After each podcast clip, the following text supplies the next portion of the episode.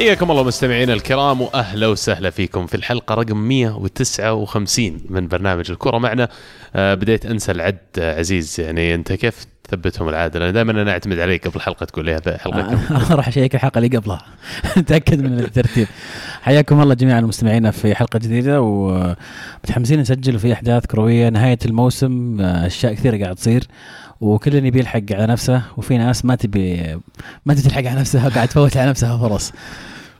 هذا اللي متساوي عندهم على طاريهم يعني معنا عبد الرحمن السلوم المدريدي والعائد من جديد إلى طاقم الكرة معنا. حياك بداحم حياك الله عبد الله حياك الله عزيز. موسم سيء لك يعني جدا. يمكن على, على جميع الأصعدة محليا وخارجيا بنوصل أكثر الموضوع هذا الشيء اللي عايش فيه يعني بس إنه أول شيء نحب نبارك لكم الشهر. آه، مبارك عليكم الشهر. الله إن شاء الله يجعلنا من صوامه وقوامه ويكتب لنا ولكم التوفيق والقبول. آه، مبارك عليكم الشهر وكل عام وأنتم طيبين. أنتم بعد يا شباب. آمين. عليك. عليك يا رب. حياك الله يا عبد الله. ما ما قلنا اسمك دائما كل الحلقة أنسى أقول اسمي. عموما أنا عبد الله الراشد بعد وهذا اليوم طاقمكم لهذه الحلقة. بنبدأ أول شيء بال Champions League ونتكلم أول شيء عن مباريات الأسبوع الماضي. إيش رأيك عزيز اللي حصلت آه، الأولى خلينا نقول آه، كانت بين سبيرز واياكس في لندن. آه، اياكس الفريق المفاجئ يكمل على التوقعات ويفوز المباراه الثالثه على التوالي خارج أرضه. مغامرة رائعة. فعلا عبد الله يمكن هذه أول مباراة آه، ما نتفاجئ كثير فيها من نتيجة آياكس. يعني شفناهم آه، تغلبوا على مدريد في البرنابيو وتغلبوا على اليوفي في تورينو. ف لكن هذه المرة يمكن في كثير كانوا متوقعين إن النتيجة راح تكون لصالح آياكس. آه، الفريق يقدم كرة جميلة شفناهم هذا الموسم. وفعلا المباراة كانت رائعة وسووا اللي عليهم. أخذوا هدف خارج ميدان هدف مهم جدا وأيضا أخذوا الانتصار. فيبدو لي عندهم أفضلية كبيرة قبل مباراة الإياب. سبيرز بدا المباراة عبد الرحمن بثلاث مدافعين في الدفاع وشفنا سيسوكو يسخن على الخط آه، قبل ما تصير إصابة فيرتونخن وبعدين أصيب ودخل مكانه. آه، يبدو لي كان already مقرر بوكيتينو إنه راح ينزل سيسوكو بدال مدافع وبيستغني عن تجربة روز في الوسط وغيره. ليش تتوقع إنه ما زبط ما زبط معاهم ال system الأول؟ لأنه الفريق عنده خط وسط ممتاز ف عملية البناء من الخلف بالنسبة لتوتنهام بتكون صعبة بوجود آه يعني سانشيز وألدرفيريلد اللي أغلب لعبهم آه يعني كور طويلة أو أو على الواقف. فكان عنده خيار إنه يبدأ الكورة من النص سيسوكو واريكسون مع آه، ديلي ألي آه، وخروج الأظهرة آه، من الجنبين. وهذا كان أفضل حل برضو إنك تقفل على على أجنحة آياكس. بحكم إن آياكس عنده أجنحة كانوا يعني أو عندهم أجنحة سريعين وخط وسط يعني قادر إنه يتحكم في رتم اللعب كامل. فوجود سيسوكو وإريكسون وديلي ألي وظهيرين من الجنب كانت ممكن شوي تعطل مفاتيح اللعب اللي عند اياكس ولكن أدرك مع مرور الوقت إنه يمكن أخطأ واضطر إنه يخرج واحد من الثلاث مدافعين ويرجع لطريقته العادية المعتادة.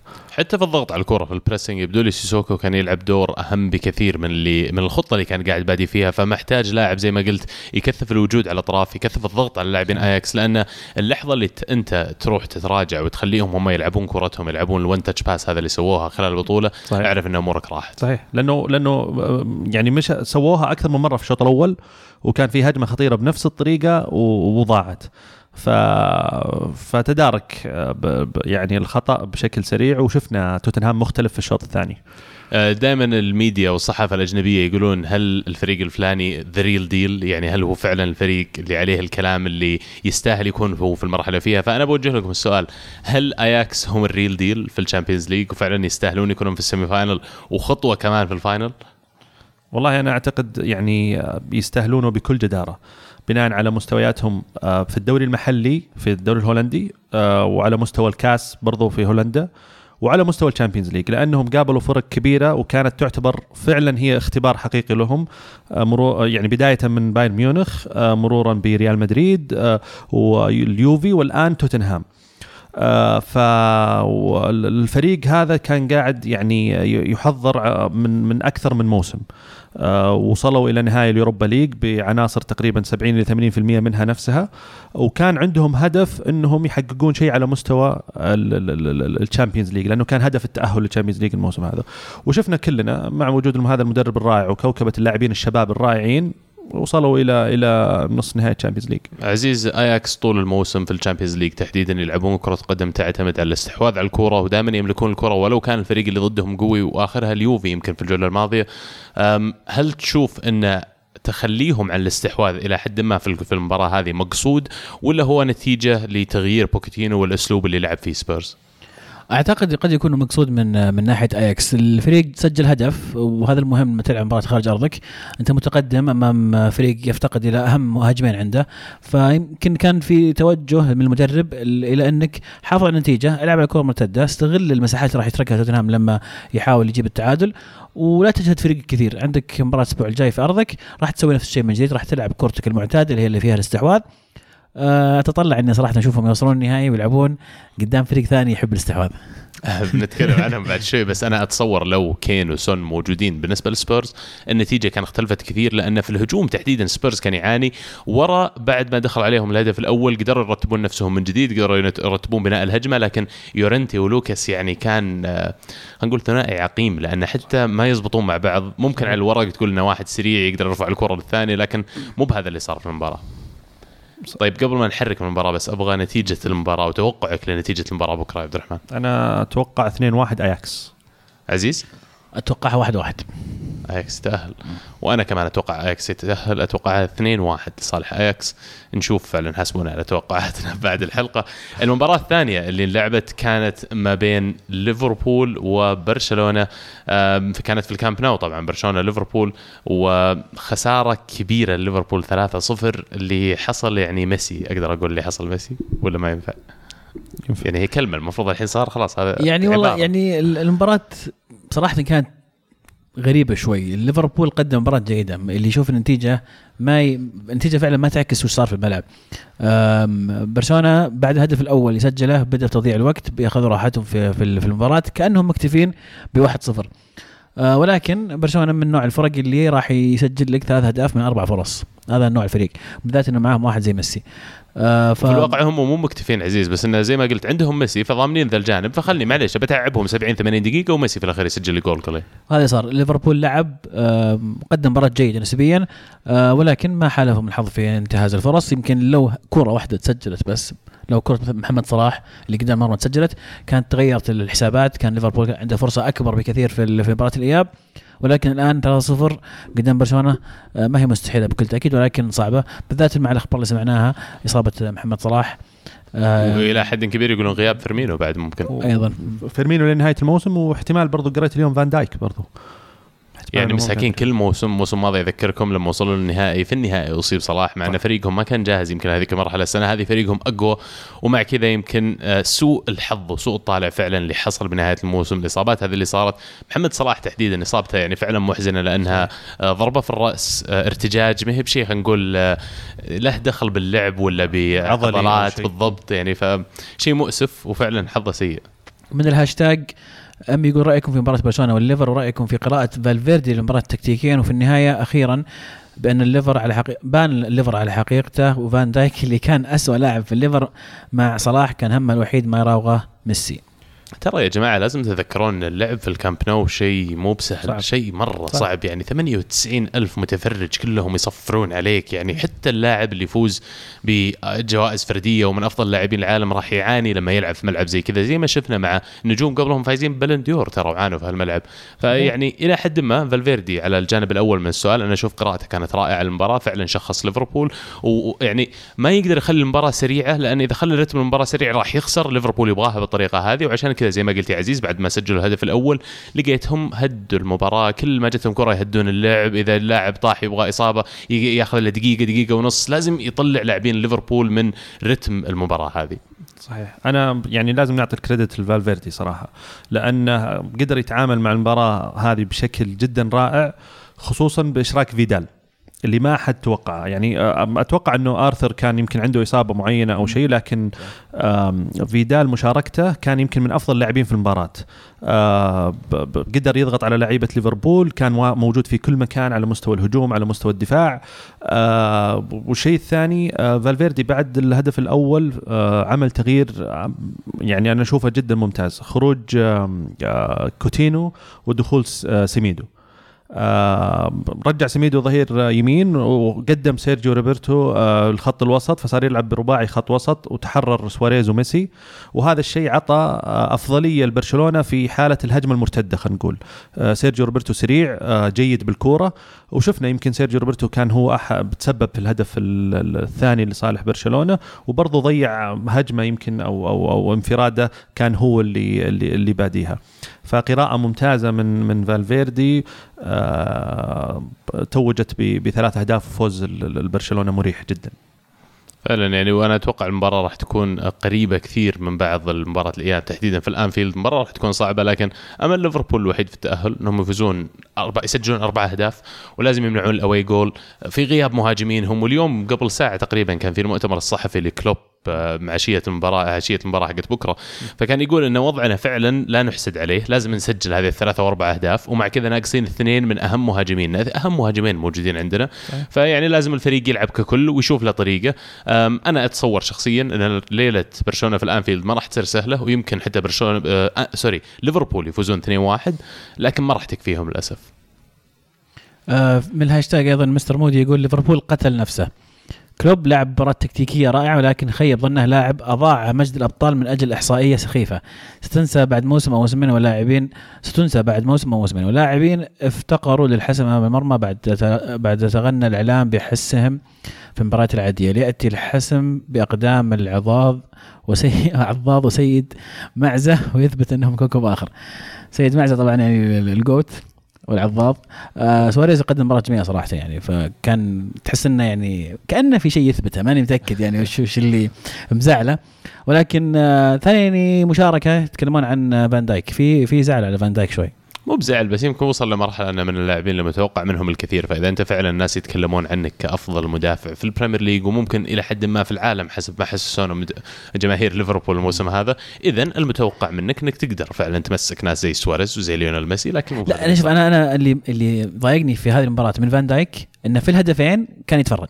الهدف الأول سواريز مر من جنبه وانطلق وهو ما تحرك والهدف الثاني كان أيضا ميسي أسرع منه.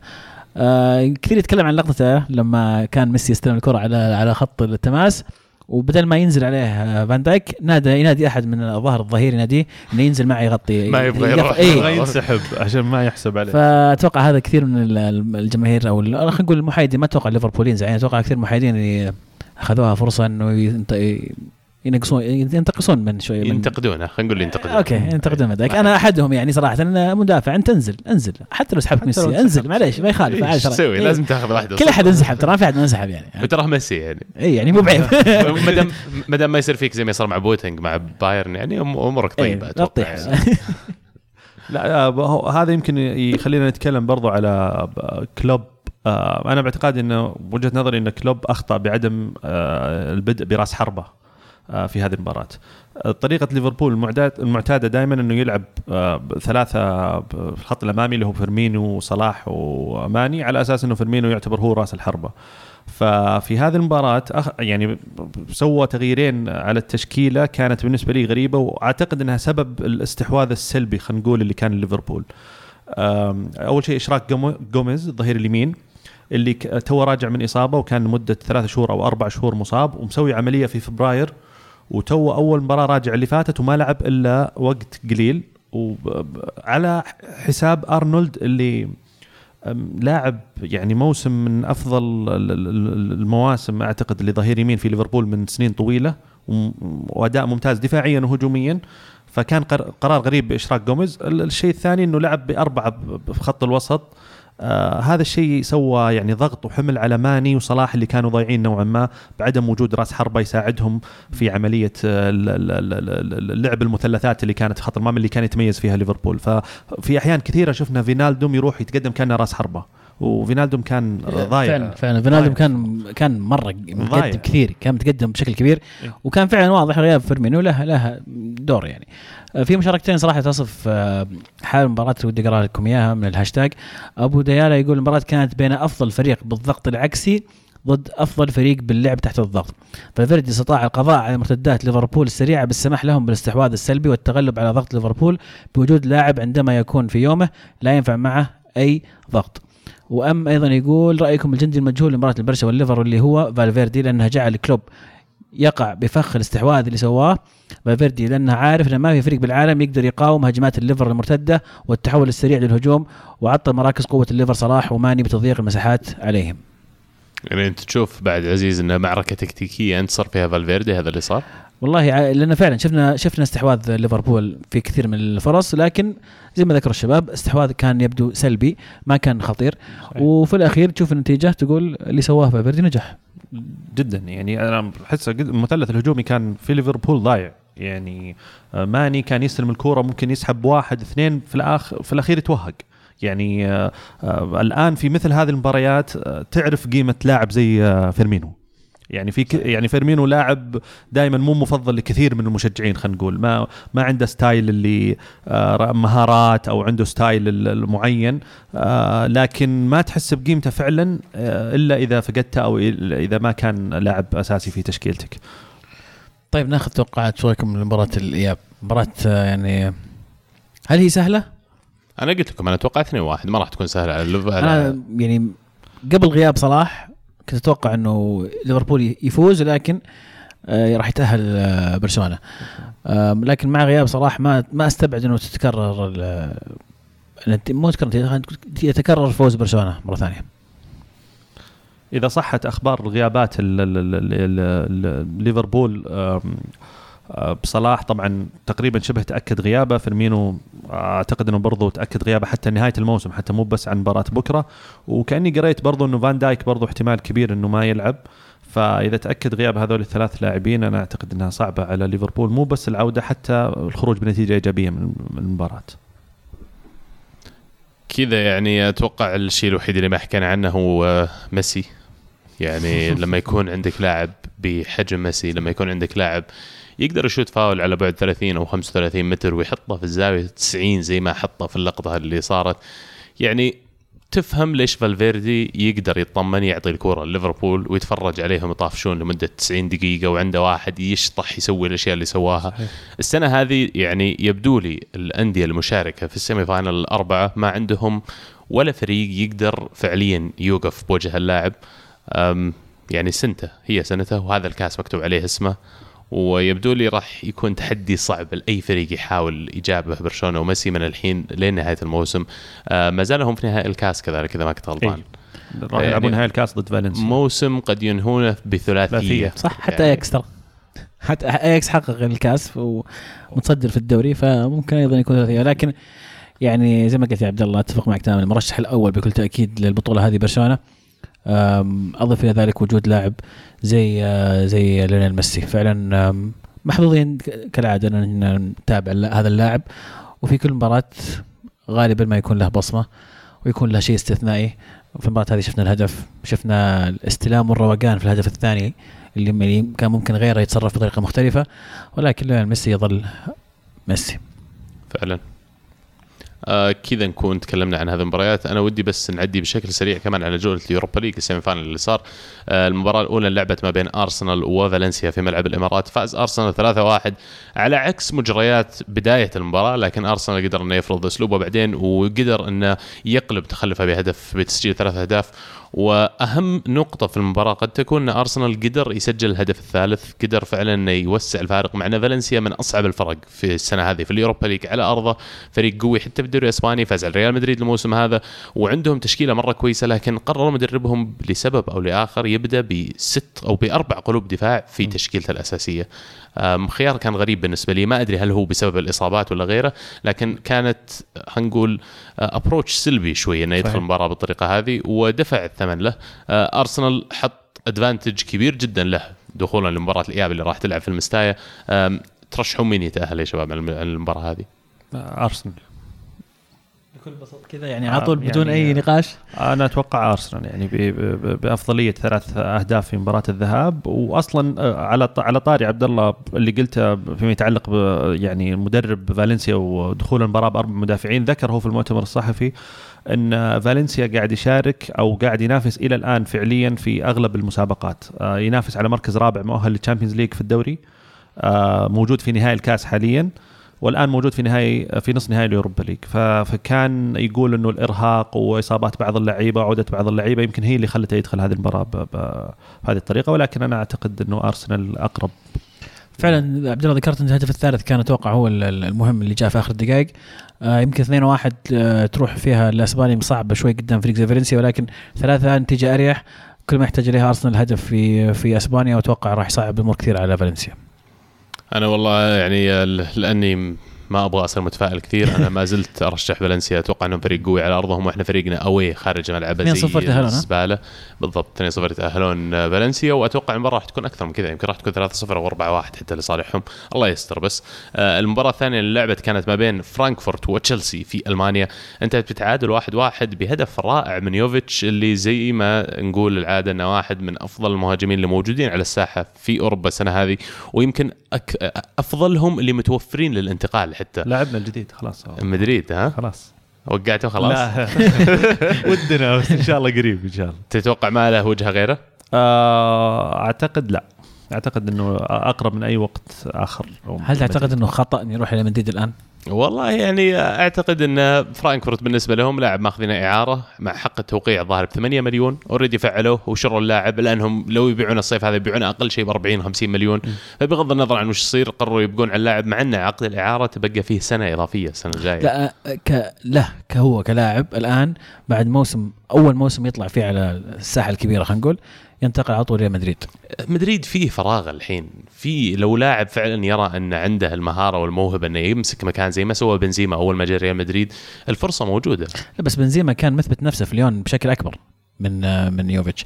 أتوقع إنه فيها مغامرة بكل تأكيد يعني. راح يكون حمل كبير إنك توصل إلى فريق زي مدريد يمر في أو بعد موسم سيء بالنسبة لريال مدريد ومطلوب منك إنك تكون أنت آه، ال- المنقذ ولا المهاجم ال- ال- الفتاك بالذات إنه في أيضا معك بنزيما فراح تنافس بنزيما على هذه الخانة. ويعني كلنا نعرف علاقة بنزيما وزيدان فراح يكون الموضوع صعب شوي. ما أشوف لو يقعد سنة زيادة يطور نفسه أكثر بعدين ينتقل يمكن يكون أحسن له. هو هو يمكن إذا بيناظر لها كلاعب إنها فرصة ما تتكرر إنه مدريد آه، يعرض علي ممكن إنه يقبل في هذه السنة خصوصا إنه مدريد واضح هدفه هذا الموسم الصيف الجاي مهاجم. فإذا أنا ما جيت الموسم هذا ممكن تروح علي الفرصة هذه. ويوفيت يوفيتش أعتقد إنه مناسب في وجود بنزيما لأنه بنزيما يعني آه، مع مرور الوقت السن يعني كبر في السن شوي وما راح يقدر يعطيك بالحالة موسم كامل. خلينا نقول. فوجود لاعب آه، صغير آه، متحمس مع ضمان برضو قدوم لاعبين آخرين يعني نجوم وبناء فريق جديد ممكن يح- يحب إنه يكون يساهم في في هذا الفريق أو يكون يعني أحد عناصر هذا الفريق الموسم الجاي. نتيجة جميلة جدا لتشيلسي أتوقع خارج الميدان تعادل واحد واحد. صحيح. آه بالذات فرانكفورت ما هو فريق سهل يعني آه مطلع فرق متمرسة في هذه البطولة. فأتوقع إن تشيلسي عندهم أفضلية في العودة وأتوقع يحققون انتصار. ما أبغى استبقى احداث لكن آه موسم تشيلسي نسبيا قاعد يتحسن في آخر في نهاية الموسم يعني. وبنتكلم عنه أكثر بعد شوي في البريمير ليج بس فعلا في اليوروبا ليج تحديدا تشيلسي نتيجة إيجابية لهم تعادل واحد واحد خارج أرضهم آه، طلعوا بالمطلوب. تسجل هدف خارج أرضك وما تطلع مهزوم. خلاص حققت اللي تبغاه في اللعب آه، في ألمانيا. الآن لما تجون إلى إنجلترا أقل شيء تقدر تسويه لا تلقم جول وتتأهل بالبساطة هذه يعني. صحيح. عموما توقعنا إن شاء الله وتمنينا تمنياتنا لأرسنال إنه يفوز باليوروبا ليج. وننتقل الحين للحديث عن الدوري الإسباني اللي already محسوم فيه بعد لقب دوري صالح برشلونة ويمكن الموضوع اللي أبغى أطرحه عليك عبد الرحمن أكثر من شيء ثاني. ال- الفترة القادمة وش تتوقع من مدريد ما دام انتهينا عند يوفيتش وقصة انتقاله لمدريد آم، مين اللاعبين اللي بيطلعون؟ مين اللاعبين اللي بيجلسون؟ ال- الشكل الأساسي للفريق. وش الخانات اللي تبغى تستهدفها؟ الاربع خلينا نقول خانات المهمة اللي أنت تشوفها لازم مدريد يعوضها. طبعا هذا يمكن أكثر سؤال جاء زيدان في المؤتمرات الصحفية من يوم ما ما مسك تدريب ريال مدريد. آه اللي إحنا عارفين إنه ريال مدريد انتهى من توقيع من مع مدافع ميليتاو مدافع بورتو. فهذه خانة أعتقد إنها مهمة مع كبر سن برضو سيرجيو راموس. آه وإصابات آه ناتشو ال- ال- المتكررة وفاران في في فترة برضو من المواسم. فخانة خلينا نقول خلصنا منها. الثلاث أربع خانات الجاية طبعا بشكل أساسي مهاجم. راس حربة. آه، الخانة الثانية هو آه، يعني خلينا نقول جناح ولما نقول جناح آه، مرتبط بريال مدريد نتكلم عن هازارد كأقرب اسم. وبرضه في اليومين الأخيرة سمعنا إنه زيدان يبغى بديل المارسيلو كظهير يسار وطلعت أخبار عن مفاوضة ريال مدريد المندي ظهير يسار ليون. الفرنسي. فأعتقد إنه آه، مهاجم آه، جناح آه، ظهير أيسر بديل مع لاعب في خط الوسط اللي إلى الآن الكلام ما ثبت عليه كثير آه، سواء كان بوجبا أو آه، إريكسن بشكل خاص. هذول الاثنين يمكن أكثر اسمين طلع عليهم اسم. وأخبار برضو صحفية أسبانية من ناس مقربين من الفريق يقولون إنه زيدان يفضل بوجبا بشكل أكبر ولكن في معارضة شوي من الإدارة نظرا لتصرفات بوجبا style بوجبا. يحسون إنه بوجبا مو هو ال- ال- ال- ال galáctico خلينا نقول أو النجم اللي ممكن يجي ويفرق ويغير ويأثر في الفريق. بس عبد الرحمن كلامك شوي يعني فيه قليل من الواقعية معليش اسمح لي أقول لك بس قاعد تقول توقع مع يوفيتش ب 40 50 مليون. توفق مع توقع مع هازارد تحط عليها 120 مليون ثانية إلى 140 مليون. تبغى بوجبا مو أقل من 100 مليون. الحين ثلاث لاعبين ما قفلناهم وقفلنا already 300 مليون. يعني منطقي ان تشوف مدريد يجي الصيف يصرف 400 450 مليون على أربع خمس لاعبين. في المقابل راح يبيع آه، مدريد لاعبين. أعتقد إنه راح يبيع لاعبين ما يقل عن عن 80 مليون خلينا نقول. مين اللاعبين؟ بيل. بشكل أساسي آه، تقريبا آه، خارج. آه، اللاعب الثاني إسكو أقرب لاعب ممكن يخرج. هذول الاثنين تقريبا بشكل بنسبة كبيرة ممكن يخرجون. بالإضافة إلى إعارات. عندك يمكن ثلاث أو أربع لعيبة تقريبا شبه تأكدت إعاراتهم. سيبايوس على لورنتي على ريجلون. هذول كلهم ممكن تستفيد منهم ماديا.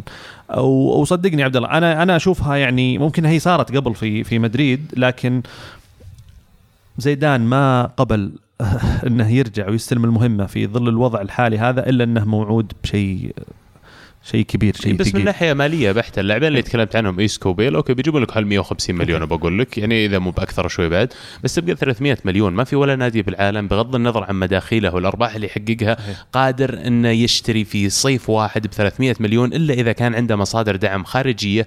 وإحنا نعرف إن مدريد يعتمد على النادي بشكل أساسي مو على دعم خلينا نقول ناس آه، يحطون فلوس من جيوبهم. وغير كذا أصلا مدريد في الثلاث مواسم اللي فاتت يمكن ما صرف آه، كثير. يعني ما ما صرف بشكل كبير. ف ف ف يعني ما ما هذه الأخبار اللي طالعة وهذه هذه الأخبار اللي يعني آه، أنا أفهم أنا أفهم الصحافة إيه. هذه اللي قاعد تقول إيه. كذا هالكلام بس انه برضو الواحد يعني شوي ينظر لها بواقعية منطقية. بالضبط يعني إيه. إنه ولو قلت لي خمس ست لاعبين sense. يمكن أتفهم إن اثنين ثلاثة بتجيبه منهم صحيح. بس بتدور لاعبين رخاص ترى فعشان صحيح. كذا يوفيتش أنا أتوقع يعني جذاب لريال مدريد 40 50 سعر. مليون صحيح. وال- واللاعب صغير ولو ما كان مثبت بالعكس هذا الشيء اللي يخليه خلينا نقول في دافع أكبر ريال مدريد يشترونه بدل ما يصبرون سنة ويصير هداف الدوري الألماني ويصير ينباع ب 80 ولا 90 مليون. صحيح. وميونخ في الدوري الألماني ما راح يفوت ال- ال- ال- الفرصة. نعرف إنه أي لاعب يبرز على طول. شي- شيل. عموما هذا لك لكم الموسم السيء فعلا يا عبد الرحمن. والعوض إن شاء الله بالمواسم القادمة. نوصل كذا لل Premier League. في ال Premier League والله يا شباب في كلام مرة كثير مرة مرة كثير. يعني ما أقدر أقول لكم قديش كثير بس آه، أنا بقول لكم مواضيع وعلموني إيش تبغون تبغون نبدأ بإيش. آه، طبعا اللي كل حلقة بنبدأ نتكلم عنه لنهاية الموسم موضوع ليفربول والسيتي. والشيء الثاني أنا غالبا ما راح أصير معاكم الأسبوع الجاي فأنا أبغى أطلع كلام من صدري عن أرسنال وخلينا نقول مراجعة الموسم هذا مع إمري. والشيء الأخير اللي قاعد يصير مع يونايتد وتشيلسي وسبيرز تعزمون. تفضل. آه، أبد رح. خذ راحتك. أبدأ من اللي تبي. طيب، خلينا معك، من. معك، يلا. تونا الحين مخلصين قاعدين نشوف مباراة سيتي اللي كانت 0 0 أمام ليستر لين الدقيقة 70 وبعدين هدف خرافي يعني ما تتوقع يجي من كومباني اللاعب اللي ما لعب كثير معاهم هذا الموسم لكن لو ما كانت مشاركته هذا الموسم بغير الهدف اللي سجله اليوم آه كفى سيتي يعود للصدارة بعد هذا الفوز. ليفربول يرقل في غياب المهاجمين. الاثنين اللي تكلمنا عنهم من نهاية الموسم. موضوع معين اللي لفت نظري الأسبوع هذا تصريحات بيب جارديولا في وسائل الإعلام لما بدأ يقول آه إن ليفربول أحد أصعب خصمين قد لعبت ضدهم في حياتي آه حياة التدريب حقتي. آه وذكر إن الفريق الثاني هو برشلونة لما كان عندهم لويس إنريكي. وميسي ونيمار وسواريز. ف أنا وجهة نظري إن التصريحات هذه كان فيها كثير من ال mind games يسمونها أو التلاعب الذهني. آه قاعد يحاول يحط الضغط على ليفربول أو يحسسهم إنهم already فريق حقق اللي يقدر يحققه. ما أدري إذا أنتم تشوفونها بطريقة مختلفة يعني. أنا يعني جوارديولا دائما مثير في تصريحاته وأنا يعني ك ك هو وجهة نظره طبعا شخصيه أنا ما أتفق معه لأنه أعتقد إنه مدريد آه، أنشيلوتي اللي اللي فاز آه، في الذهاب عليه وإياب أربعة كان كان يمكن من أصعب ال- ال- ال- الفرق اللي واجهها وحتى مع مورينيو مدريد بعد يا حتى. مع حتى إيه، مع استغربت إي ف لكن ممكن تصير mind لازم يعزز لكن- الفريق القديم لازم يعزز الفريق القديم. آه طبيعي خله خله يقول يبي شوف آه آه فريق برشلونة الإنريكي 2015 كان آه حريق جدا إيه بس ليش ليفربول؟ ليش يذكر ليفربول إي ثاني؟ games أنا أتفق معك يعني. ما mind games. مع العلم إنه باقي ترى مباراة واحدة يعني بس بس هو أصلا علاقته مع كلوب جيدة نوعا ما. و- وبيخليهم يحسون إنهم هم ها لا تنسى انه ليفربول ممكن يوصل إلى 97 نقطة ولا ياخذ الدوري. فيعني أكثر من انه يدفك كل ذا الدف يجبرك إنك توصل إلى 98 99 نقطة يعني يستاهل يستاهل المديح فعلا اللي يقدمونه. الفريقين في الدوري الإنجليزي هذه السنة استثنائي و... وإلى آخر جولة وصلنا إلى آخر جولة راح. تتحدد في آخر جولة. على ذكريات يعني بطولات جميلة في الدوري الإنجليزي انحسمت في آخر جولة. فعلا وراح إذا قدر السيتي إنهم يفوزون باللقب ويحتفظون باللقب للسنة الثانية على التوالي بيكون أول فريق من أيام سير أليكس فيرجسون ترى سواها ظاهر آخر مرة في 2008 أو 2009 أم، يعني شيء مو بسيط وزي ما قلت شيء مو بسيط إن ليفربول يحققون 97 نقطة وما يفوزون فيه. أه، شيء محزن والله شيء محزن. وبغض النظر أنا أشجع أرسنال صح لكن أقدر أقول لك إن اللي سووه ليفربول والسيتي السنة هذه يدرس على الرغم من اختلاف أسلوب اللعب بين الفريقين على يعني على الرغم حتى من تفاوت خلينا نقول القدرة المادية ما بين الفريقين لكن بنوا لنا فرق تواجه وتشرف وفعلا تقدر إنها تنافس إلى آخر رمق على الدوري. طب خليني أسألكم أنا سؤال. نفترض الآن ليفربول خرج من ال Champions League وما حقق الدوري كيف نقدر نصف هذا الموسم لليفربول؟ للأسف إنه لازم تكون قاسي شوي وبتقول ان ليفربول فشل في تحقيق ال- الأهداف هذا الموسم. حاولوا فعلا وصح الخصم مو هو بسهل لكن كان عندك أكثر من فرصة. أه، في مباريات راح تبقى في الأذهان على إن ليفربول ليش ما فازوا بالدوري من ضمنها اللي تكلمنا عنها الأسبوع الماضي اللقطة حقت خط المرمى مع ليستر إذا ما كنت غلطان. أه، ويست هام قدروا يتعادلون مع ليفربول وخذوا منهم نقطة. أه، فيعني في لقطات في الموسم ليفربول لما ينظرون إليها بيقولون كان ممكن نتفاداها. ترى وصل الفرق بين ليفربول والسيتي في فترة من الفترات سبع نقاط يمكن أو أو أو, أو تسع نقاط. ف لصالح ليفربول. لصالح إيه. ليفربول. فأنت فرطت بالهذا. أنا أنا يعني أعتبرها ك يعني ما أعتبرها موسم يعني بين وبين ولكن كانه كأنك يعني أنت عندك KPIs في الموسم. وما ولا حققت ال- ال- ال- ال- ال- ال target حقك أو ال KPI حقك اللي أنت راح تقيم عليه في نهاية الموسم فعلا عزيز إيه. يعني اثنين-. قلت- يعني أنت قلت أربعة. بتحقق الدوري مثلا إيه. وقلت إنك بتوصل ال final Champions League ولا قلت اللي قلته طيب أنا فاهم انه ضدك السيتي وسوى اللي سواه بس في الأخير أنت قلت لي بتسوي كذا وما سويته كيف تحكم عليه هل يحتاج ليفربول تغيير؟ دام دام موسم يعني يعتبر فاشل. هل يحتاج تغيير؟ مو فاشل. شوف الناس بيزعلون شوي على إيه، كلمة فاشل. okay مو فاشل, فاشل. غير ناجح غير ناجح. غير ناجح. غير إيه. ناجح. ظروف يعني استثنائية إنه السيتي يكون عنده آه، كم؟ 97 98 نقطة؟ ممكن يخلص أو- 98 اي 99 نقطة يمكن أو 98 أم، ولكن زي ما قال عبد الرحمن أشوف إنه تفريط آه، تسع نقاط هذه يلام عليها الفريق بكل تأكيد. ومو يعني يجي موضوع إلى سالفة مب حان وقت التغيير ولا لا بس أنت سويت اللي سويته الآن وش بقى تسوي؟ ما تقدر تسوي آه، أكثر فعليا ما تقدر تروح تجيب ميسي ما تقدر تروح تطور فريقك أكثر بكثير من الوضع الحالي. فريقك شبه مكتمل يمكن تقدر تجيب مهاجم بنتكلم عنه الحين ولا خلينا نجيب طاري أوباميانج. أنا أشوف إن أوباميانج يعني هو اللي ناقص فعلا ليفربول انه قد يكونون هم الفرق الفريق اللي يقدر يقصي السيتي بس في وجود مهاجم زيه. يمكن واحد آه، واحد من اللي شاركوا في الهاشتاج الليفربولية قال آه، آه، نفس الشيء. قال أنا خلاص ما ما أبي أخذ Champions League وما أبي أخذ الدوري. أنا سوينا اللي علينا ووصلنا إلى شيء زين. بس وش بنسوي غير كذا يعني؟ خلاص. هو اللي يحتاجون يسوونه. إذا فعلا انتهى الموسم صفري الموسم هذا ليفربول.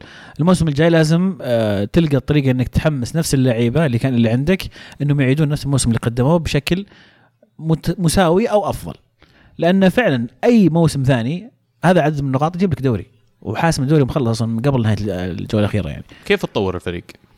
أتوقع تحتاج تدعيم شخص جائع. اللاعب يجيك لاعب متعطش للبطولة راح يكون عنده أثر كبير على بقية اللعيبة. سوبر ستار لازم؟ يفضل. صعبة هي لكن يفضل. أنا أعتقد يحتاجون سوبر ستار على مم. الأقل في خط الوسط يعني يحتاجون لاعب ثقيل آه، في الوسط. يعني هاندرسون آه، ميلنر آه كل هذول يعني نحترمهم كلاعبين ومقدمين يعني مستويات ممتازة آه نوعا ما. لكن آه ما أحس في اللاعب الثقيل اللي تقول والله في حال صلاح ما كان في الفورمة في حال ماني آه غاب في حال فيرمينو الآن إصابة. هذا اللاعب هو اللي بيشيل. لاعبين أنا أقول يعني أتوقع صعب يجيبونهم بس لاعبين لو جابوهم فعلا فاكتمل الفريق أنا بالنسبة لي. أوباميانج اللي تكلمت عنه تو والثاني اريكسن لأنه يعني كوتينيو ما هو بخيار أنا أشوف إنه يرجعونه فاريكسن هو أقرب شيء إنه يلعب هذا الدور. لاعب ممكن يلعب على خانة المهاجم في اليسار ويشوت باليمين آه عنده نزعة الرقم 10 وصانع الألعاب. وهذا الشيء اللي أنا أشوف فعلا ينقصهم ويقدر يلعب كمان مكان أحد اللاعبين اللي ذكرتهم أنت قبل شوي عبد الرحمن. فعلا موسم يعني للأسف لم ين... لن ينتهي بشيء لليفربول إلى حد الآن. في نبيل فقير بعد. كان بداية الموسم لو جاء كان كان فرق يعني مع مع مع التشكيلة. نقطة ممتازة. وقبل ما نبدأ نراجع أرسنال بذكر بعض الناس اللي يستاهلون الذكر هذا الموسم. من برا ال top 6 أربع أندية هذا الموسم في ال Premier League لفتت نظري وفعلا أندية تستاهل التحية. وأتمنى لو أي أحد منها جاها مشاركة أوروبية اللي هم ليستر، إيفرتون، وولفز، واتفورد، الأربع أندية هذول أحرجوا الأندية الكبار وأخذوا منهم نقاط كثير وهم اللي فعلا سووا في حلاوة الموسم هذا في المنافسة على ال top four وفي المنافسة على لقب الدوري حتى. بعدها يجي الأندية اللي خلينا نقول ما كانت زي هذول الأندية الأربعة اللي ذكرتهم تو من ناحية القوة خلال الموسم.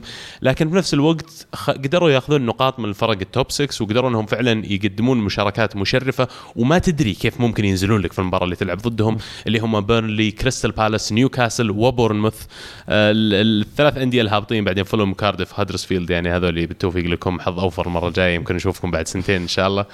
آه لكن يعني موسم كان جميل جدا. ال Premier League أنا استمتعت كثير في سواء سباق اللقب ولا سباق ال top four الموضوع اللي أبغى أحكي عنه الآن اللي هو ارسنال ومراجعة اللي صار هذا الموسم مع يوناي امري ويعني أي منكم إذا أي أحد عنده ملاحظة ولا حتى يبغى يدخل بمشاركه بتوقفوني في نص النقاش.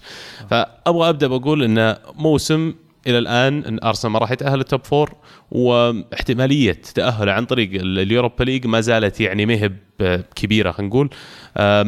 في ظل الغياب اللي واجه هذا الموسم من لاعبين زي بيليرين زي كوشيلني آه قدر يجيب أشياء إيجابية كثير الفريق منها انه قدر يغير في التكتيك بشكل مستمر عكس تماما اللي كنا نشوفه أيام فينجر. شفنا الفريق يبدأ بعض المباريات بثلاث مدافعين أربع مدافعين خمس مدافعين راس حربة واحد راس راسين حربة. التبديلات عنده كانت رائعة كان يسوي تبديلات بدري. إذا حس أن الفريق مو قاعد يمشي ممكن يسوي تبديل بين الشوطين أو حتى مرتين تبديلين وثلاث تبديلات في نفس الوقت عشان يغير من أسلوب الفريق. أنا أشوف أن هذه الأشياء الإيجابية اللي صارت. مبارياتنا الكبيرة خلال هذا الموسم مباريات أرسنال الكبيرة خلال هذا الموسم لما تقارنها بنفس المباريات الموسم الماضي تشوف في فرق كبير. أتكلم عن مباريات أرسنال أمام مانشستر يونايتد أمام تشيلسي حتى في المباراة الأخيرة أمام سبيرز. الفريق قاعد يلعب بهوية مختلفة وبأسلوب مختلف في المباريات الكبيرة هذه. هذه الأشياء الإيجابية الآن. الأشياء السلبية إن الفريق ما عنده هوية واضحة. يعني على الرغم إني قلت إنه شيء إيجابي قبل شوي يغير بالتكتيك ويجرب خطط كثير لكن فعليا لو أسأل أي واحد من مشجعي أرسنال أو حتى من متابعين الكورة اليوم وش خطة أرسنال؟ كيف أرسنال يبني هجمة؟ وش اللاعبين الأساسيين؟ وش ال11 الأساسيين حق أرسنال؟ أتحداك لو أي أحد يقدر يجاوب السؤال هذا لأنه فعلا خلال الموسم ما كان فيه. آه المشكلة الثانية كانت الفورمة حقت أرسنال خارج ملعب الإمارات. سيئة جدا. تحديدا خلال 2019 يعني الوضع كان كارثي أقل ما يقال عنه. يمكن السبب عشان يوناي أمري حاول يلعب بطريقة خلينا نقول بريسنج عالية أو ضغط عالي على حامل الكرة وفي نفس الوقت كان عنده عدد قليل من اللاعبين اللي يقدر يعتمد عليهم. فلما جاء نهاية الموسم أو النصف الثاني من الموسم اللاعبين شعروا بإجهاد كبير وهذا الشيء ساهم في الموضوع هذا. اللاعبين الغائبين هذول بيرين تحديدا أتوقع لو كان موجود كان لعب فرق كبير في خطة امري وأسلوب لعب الأرسنال لأنه كان أتوقع ضاهى حتى الأظهرة حقين ليفربول لأن هذا التكتيك اللي قاعد يلعب فيه امري يحتاج لاعب مثل بيليرين للأسف أرسنال انحرم منه لفترات طويلة هذا الموسم. أخيرا بختم بأن اللاعبين اللي كانوا كويسين هذا الموسم ولازم يبقون مع الفريق والبناء المستقبلي يتم عليهم اللي هم لينو رمزي للأسف طلع أوباميانج لاكازيت توريرا سوكراتيس مافروبانوس وجندوزي هذول اللاعبين اللي سووا كويس. آه، كولاسيناتش يمكن okay بجلسه ما سووا كويس هذا الموسم لكن فيه له مستقبل أنا أشوف مع الفريق. أي أحد ما ذكرت اسمه يعني أرجو أن يتوجه البوابه ويهم بالرحيل لأنه ما عاد في مكان الفريق. للأسف إنا قاعدين نسمع أخبار عن أن محفظة الانتقالات اللي موجودة لإمري خلال الصيف القادم لن تتجاوز 45 مليون pound يعني مبلغ صغير جدا ممكن تزيد في حالة تاهل لل Champions لكن حتى لو زادت ل 50 60 70 اللي أرسنال يحتاجه مو بأقل من 120 إلى 150 مليون عشان يقدر فعلا يحكم قبضته على حتى ما راح أقول منافسه على الدوري على ال top four يبي لك 150 مليون. أنت بعيد كل البعد لما تقارن نفسك بيونايتد لما تقارن نفسك بسبيرز وحتى تشيلسي اللي شدوا حيلهم بنهاية الموسم وقدروا يلحقون ويثبتون نفسهم في المركز الثالث حاليا. آخر شيء أنا أعطي أمري سبعة من عشرة على الموسم هذا والتجربة حقت أمري سبعة من عشرة. في حال فاز أرسنال في ال Europa League راح أخليها ثمانية من عشرة. موسم جيد. ما أشوف أنه يتوجه باقالته بالعكس يحتاج موسم ثاني عشان يعطي بصمة أكبر الفريق يسمح له حرية كبيرة في الصيف هذه بانتقالات الفريق إنه يبيع اللاعبين اللي ما يبغاهم يجيب اللاعبين اللي, اللي هو ينفعون لأسلوب لعبه. اوزل مخيتاريان مصطفي ايووبي تشاكا آه، ليتشستاينر نايلز هذول كلهم أنا أشوفهم معالي على الفريق. تحديدا اوزل مختاريان اللي قاعدين ياخذون رواتب عالية جدا. أموت في اوزل كلاعب لكن فعليا لما أجي أشوف أنا اليوم إنه ياخذ 400 ألف جنيه في الأسبوع وأنا أخلي رمزي يمشي عشان اوزل أنا معطيه هذا الراتب شيء يغبني يعني. بعد 11 سنة رمزي بس تخليه يمشي وشفناه في الوداعية قاعد يبكي. أتوقع نص جماهير أرسنال اللي عاصروا الفترة هذه كانوا قاعدين يبكون لأن لاعب كان رائع. بمعنى الكلمة جاء في وقت الأرسنال ما عنده نجوم جاء بعد الانفنسبلز وكان هو أحد خلينا نقول العلامة حقت اللاعبين اللي إحنا كنا نحاول نستقطبهم اللي عندهم المهارة وعندهم القدرة لكن ما قدروا إنهم يوصلون لفورمة يمكن بسبتهم هم ولا بسبه حتى اللاعبين اللي قاعدين يلعبون حولهم لفورمة تحقق البطولات لنادي أرسنال. ونهاية الحكاية هذه للأسف انكتبت الحين والله بالتوفيق لك يا رمزي إن ودي أبكي الصراحه بس أستحي من المستمعين يعني. عليك بنتبه له عندنا. عزيز عزيز بنتبه له ويبقون اللاعبين اللي لازم نعطيهم فرصة اللي هم روب هولدنج ماف بورانوس سميث راو ريز نيلسون اللي راح يرجع من الإعارة من هوفنهايم وسوى موسم رائع جدا في الدوري الألماني. أتطلع للإضافة اللي ممكن يسويها على الأطراف لنادي أرسنال. طولت عليكم لكن هذا ال review حقي ولا هذا مراجعتي لموسم أرسنال ولموسم يوناي إمري. وإن شاء الله إن اللي جاي أزين. بس ما ظنيت ما دام الأمريكي هذا آه شو يسمونه هو كرونكي.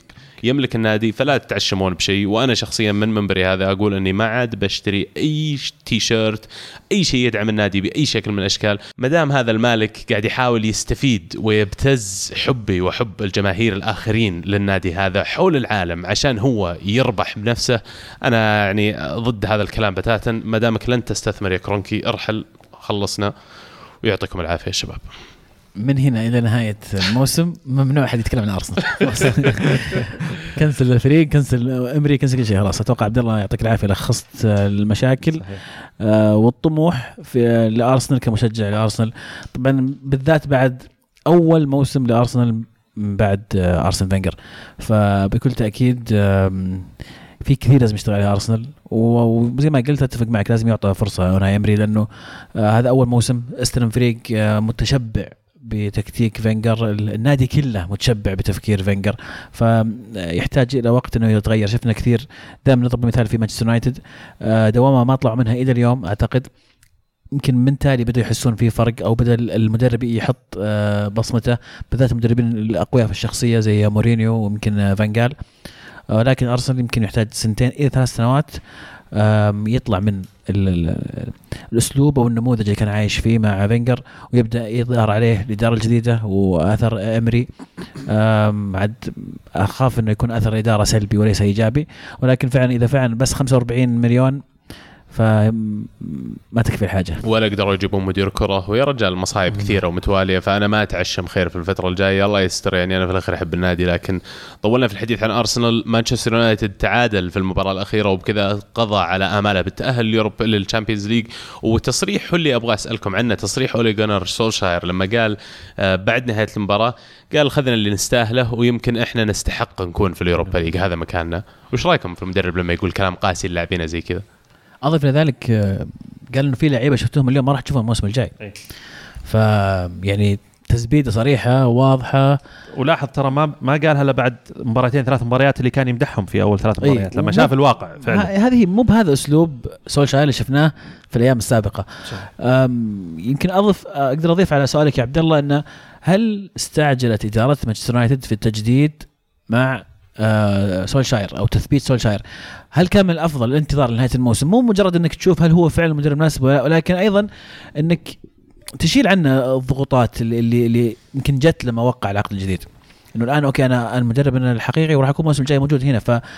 فشفنا من تالي الفريق لا يقدم مباراة جيدة الفريق يتعادل مع هدرسفيلد ومين وكاردف يعني فرق فرق كلها هابطة. يعني الفرق اللي في مديريه الترتيب ما عندهم شيء يلعبون له. الظاهر خلاص يعني حتى الهبوط كان يعني مؤكد أو شبه مؤكد. ضيعت نقاط مهمة كانت حاسمة في موضوع انك تتأهل إلى ال Champions League للأسف يونايتد راح يكون في Europa League الموسم الجاي مره ثانية وراح يظل السؤال الأبدي هل استعجل يونايتد في آه، تأكيد سولشاير كمدرب للفريق. أتوقع هذا يثبت التخبط اللي عايشين فيه لأنه فعلا سولشاير لو إنه ما جددوا معه وانتهى الموسم اليوم ويعني جاء قرار التجديد معه أنا ما أتصور كان جددوا معه حاليا. آه الاستعجال شيء مو كويس. آه بالذات إنه كان مدرب ما هو عليه الكلام بيجي مدريد ولا بيجي فلان بياخذه غيرك. طول بالك شوف شو يصير لنا هذا الموسم. آه ال- ال- آخر تسع مباريات بالنسبة ليونايتد كارثية يعني. بس الكلام والسؤال يمكن هنا يعني آه، هل مشكلة مانشستر يونايتد في المدرب؟ فعلا ولا لا؟ لأن يعني آه، أنا أعرف إنه في ناس ما يحبون مور- مورينهو هنا كلكم الظاهر ما تحبون كثير. كثير فلكن يعني لما تيجي ترجع تراجع اللي كان يسويه مورينهو مثلا بغض النظر عنه كمدرب أو شخصية يمكن كلنا نتفق إنه شخصيته غير محبوبة أو مرغوبة ولكن كعمل مع مانشستر يونايتد في ظل الوضع ال ال ال الإداري للفريق خلينا نقول أو العناصري للفريق قدر إنه يحقق بطولات أو أو إنجازات وينافس في الدوري كمركز ثاني. الفارق كبير ولكن عاد السيتي كان صعب يمكن أي أحد ينافسه في هذا الوقت. قبل ديفيد مويس قبل فان خال آه، كلهم كانوا يعني ما ما رجعوا بنوا الفريق بعد فترة السير. طبعا فتره بعد فترة السير أكيد إنها فترة كانت حساسة وصعبة لكن ولا واحد مدرب حسسنا فعلا إنه قدر يخلي مانشستر يرجع يوقف على رجوله. هذا الشيء اللي يخلينا نرجع نقول بغض النظر عن المدرب أو التجديد معه هل فعلا المشكلة مشكلة المدرب؟ أو الإدارة برضو. بالإدارة ال- ال- الأمريكية خلينا نقول التفكير الأمريكي اللي غزا ال- ال- ال Premier League ال- التجاري البحت ال- اللي يمكن ما يهمه إنجازات أو مصلحة فريق بشكل خاص يهمه أهم شيء إنه أنا أشارك بمعينة كيف أجيب أرباح كيف أبيع خصوصا إنه مانشستر كلنا عارفين إنه كفريق قيمته السوقية على مستوى العالم يعتبر من يمكن أكثر ثلاثة أو خمسة على يعني على مستوى ما. ما ننسى كلمة مورينيو لما يقول أفضل إنجاز لي المركز الثاني مع مانشستر يونايتد يعني اليوم أول ما قالها قلنا هذا مجنون. اليوم نفكر فيها ترى شوف رجعوا السادس. يعني بنفس الفريق تقريبا. نفس الفريق. وكيف تشوف لا يعني لما تشوف الفريق فعلا مانشستر تقول كيف مورينهو جاب ثلاثة كاس مدري كاسين وجاب Europa League في هذا الفريق؟ شلون؟ صدق. يعني وصح كلامك قبل شوي إن إحنا نق- نكره مورينيو ونقسو عليه في برنامج دائما لكن فعلا إحنا حقانيين حقانيين بنفس الوقت. اللي كان يسويه مورينيو بنفس التشكيلة أفضل بمراحل من اللي قاعد يسويه اولي سولشاير الحين. والمشكلة إن أنا بالنسبة لي كمشجع أرسنال أنا مبسوط صراحة لأن. بيدخلون الآن بيشترون لاعبين الصيف وبيدعمون سولشاير وبيجي سولشاير بيكمل نفس الموسم الجاي بيجيبوا ام العيد وبيقيلونه وبعدين بيجي مدرب جديد يقول لك ما أبغى اللاعبين اللي جبتهم من سولشاير أنا أبغى ألعب بطريقة مختلفة أصلا. فيعني والله لا عزاء اليونايتد قاعدين يدخلون في الموضوع اللي يعني أرسنال دخل فيه من جانب آخر. اللي شوي يخليني أستغرب إنه إلى الآن يتكلمون إداريين مانشستر يونايتد. إيه إحنا مانشستر يونايتد وإحنا نجذب أكبر اللاعبين. وهو يا حبيبي أنت صارف لي 400 500 مليون ما أتصور تقدر تبتل تصرف نفس المبالغ ال- ال- الصيفيات القادمة وص- وفترات الانتقال الجايه إيش بتسوي؟ صحيح الدافع بيصير عند اللاعب إنه ينتقل بيصير آه، يعني أقل من من من قبل. بالذات اللعيبة اللي باقي على عقدهم موسم واحد ويحرصون بعد. فعل حراس وبيروحون يوفي بعد. احتمال كبير. آه، مشاركة في الهاشتاج من خالد يقول مبارك عليكم الشهر الكريم. سؤالي هل مورينيو ظلم بالإقالة؟ خصوصا إن أغلب اللعيبة اللي كانوا كويسين بعهده أصبح مستواهم سيء وأولهم ديخيه آه، يعني ما كحارس صعب نلوم مدرب على مستوى حارس. هذا أول شيء أنا أشوف. بس انه في لعيبة ثانيين بوجبا مثلا. الخط الأمامي. على طاري سؤال الحارس أنا بشرح عليكم شوي بس إنه قريت موضوع واحد كاتبه كان يقول هل جاء الزمن اللي لما الحارس يعدي ال 30 يكون عدى العز حقه واستشهد فيه بفالدز واستشهد فيه بدخيا وكمان نوير؟ قال هذول الثلاثة لما عدى سنهم ال 30 الحراس هذول تراجع مستواهم بدل ما يتقدم فيمكن هذا تغيير في طريقة كرة قدم اليوم المجهود البدني اللي يتطلبه كونك حارس. مع العلم إنه إحنا أول كنا مبرمجين إنه اللاعب ما يبدأ يتطور الحارس ما يبدأ يتطور ويبدأ يصير ثقيل ووقفته على الباب إلا بعد ال 30 يعني أنت توافق كاتب المقالة يعني هذه؟ آه، لما قلت لي الأمثال الثلاث حراس فعلا قعدت أسترجع وأتذكر فعلا نوير السنة طيب قبل ما قبل ما يعني يعني نطير بالعجة زي ما يقولون عبد الله طبعا القاعدة حقته أي عمر يقول انقص منه سنتين. فدخيا عمره 28 هذا أول شيء. ما بعد يوصل 30 ودخيا ست شهور سيئة فقط ما نقدر نقول إنه مستوى سيء. وأغلب الحراس صح هذه حالات صحيح نوير مثلا آه بالدز قلت؟ اي لكن أغلب الحراس أغلب الحراس يتطور بعد ال 30 والأمثال كثيرة يعني ممكن نغلط فيها. يعني ال drop ف... حق دخيا كان كان غريب. إيه صحيح. ولا تلومه لأنه في المقابل لما كان يقدم مستويات رائعة كنت تقول شلون دخيا مع ذا الفريق السيء آه، هو مبدع يعني. يا حبيبي كيف ما الومه هو الكرة تزلق إيه لا يدك في في لقطات في فرق يعني إيه معليش. هدف يعني هذا ألومه لا بس بعض الأحيان لما أشوف أنا قدامي سمالينج وجونز و بس ما مو يعني الكره تخش تحت يدك. هذه هذه طبعا هذه كان هو أنا أقول أنا أتفق إنه drop حقه كان غريب. أنا أشوف إنه يحتاج بس تغيير أجواء فريق جديد. يحتاج يروح ايطاليا عند مرة من عرفت كنت منشن عليه من طلعت فوق عاد تدري وش المضحك؟ إن الموسم هذا تشزني مستوى أحسن من دخيا للأمانة يعني. طيب تبدلهم؟ إيه. أوه والله. أنا يعني عندي انت تؤمن بأن في quality وفي form إيه. ففي نوعية وفي فورمه صحيح. فالنوعية عند دخيه والفورمه عند يعني تشيزني ممكن ينكبك تشيزني كويس صراحة الموسم ذا يعني شال الكور مرة كثير. إيه بيرجع لحقيقته ما أدري وش حقيقته صراحة ما يمكن خلاص ما يمكن هذا هو يمكن أحسن شيء. بس أدري إن الدخيل يقدر يوصل إلى مستويات أعلى بكثير. والله عزيز طماع أنت ماخذ رمزي والدخيه وتبي جوارديولا احتمال يدرب. بيفسخ ال Premier League. والله ماخذ سوبر ماركت. شرى يوفي شرى رونالدو. خلاص أي شيء ممكن تشتري الحين. تشيلسي كمان بس قبل ما نقفل فقرة Premier League تشيلسي يستاهلون التحية. أه بدوا موسمهم بشكل رائع وكانوا بعد تقريبا ثمان سبع أو ثمان مباريات من ضمن المنافسين من ضمن ال top 3 في المتعادلين على النقاط مع السيتي وليفربول. وعلى الرغم من انحدار مستواهم خلال الموسم لكن قدروا إنهم يلحقون على أنفسهم في الأسابيع الأخيرة اللي ضيعوا فيها الجميع في ال top four النقاط. أه جو ثبتوا نفسهم في المركز الثالث والآن تتبقى مباراة واحدة ضمنوا فيها ال Champions League لأن ظهر بينهم وبين أرسنال أربع نقاط الآن ولا في مجال انهم يخسرونه.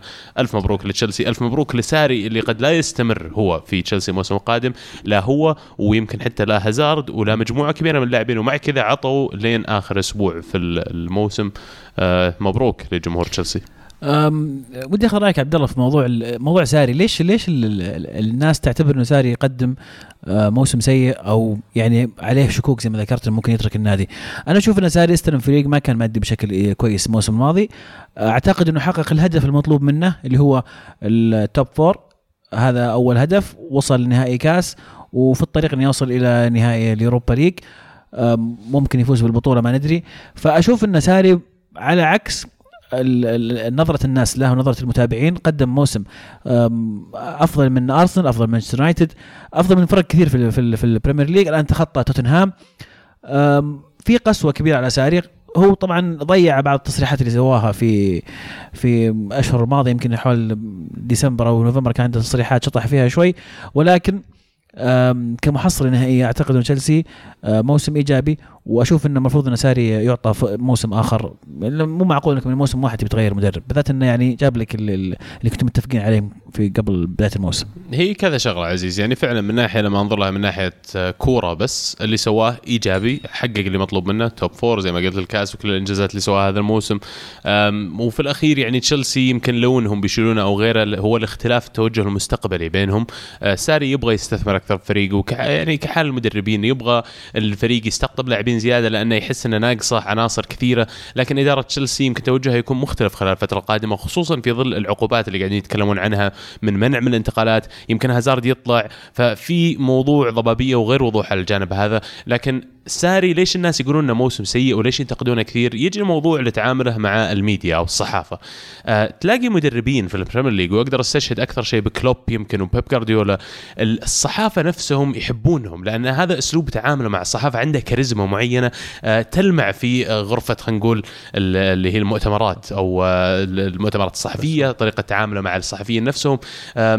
ساري غير موجودة عنده. ساري شوي لما يدخل تحس إنه مجبر يكون في المكان ما يحبهم ولا يحبونه. آه، قاسي شوي بارد جاف يمكن إلى حد ما قاعد أحس إني اعاتب شوي بس آه، هذا أسلوب اللاعب أسلوب الشخص عفوا أسلوب الشخص طبيعته كذا. فإذا ما حبوك الميديا راح ينتقدونك وراح أي غلطة يكبرون لك إياها راح يشبون عليك فيها. مثل ما حصل في إقالة مورينيو وأنا راح أقول إحنا من ضمن الميديا اللي يتكلم عن هذا لأنه أنت تستفز الناس فالناس بطبيعة الحال راح يطلعون يتكلمون ضدك وراح يخلق هذا الشيء الشيء ضغط كبير على الإدارة.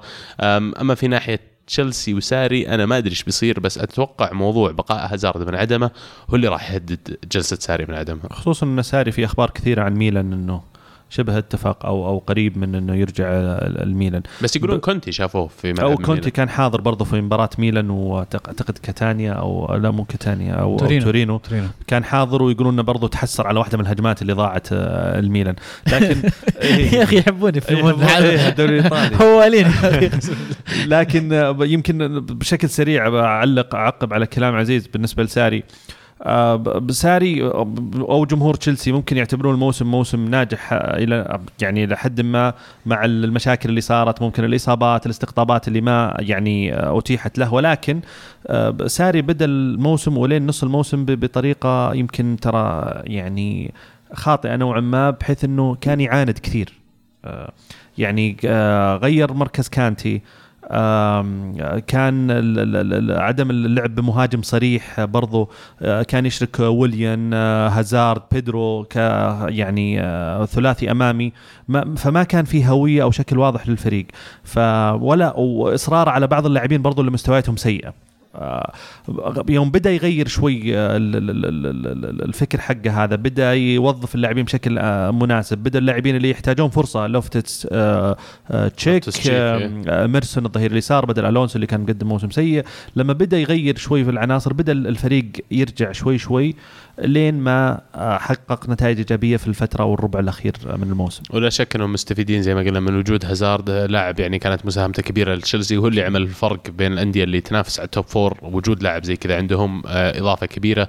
آه، موضوع أبغى أسألكم عليه ما دامنا تكلمنا عن الصحافة قبل شوي كيهل جاري كيهل الكابتن السابق لنادي تشيلسي يعني أقول السابق لأنه خلاص أيامه معدودة يبدو لي معهم الظاهر إنه خلاص انتهى موضوعه له تصريح يقول أنا فقدت كل احترامي لساري أنا لعبت مع ساوث جيت في منتخب إنجلند في كأس العالم وما لعبني ولا مباراة ومع كذا أكن له كل الاحترام والتقدير ولكن ساري اللي ما يلعبك لثمان تسع عشر مباريات وأكثر وما يوفر لك أو ما يعطيك أسباب مقنعة انه ليش استبعدك آه هذا الشخص أفقد كل الاحترام له.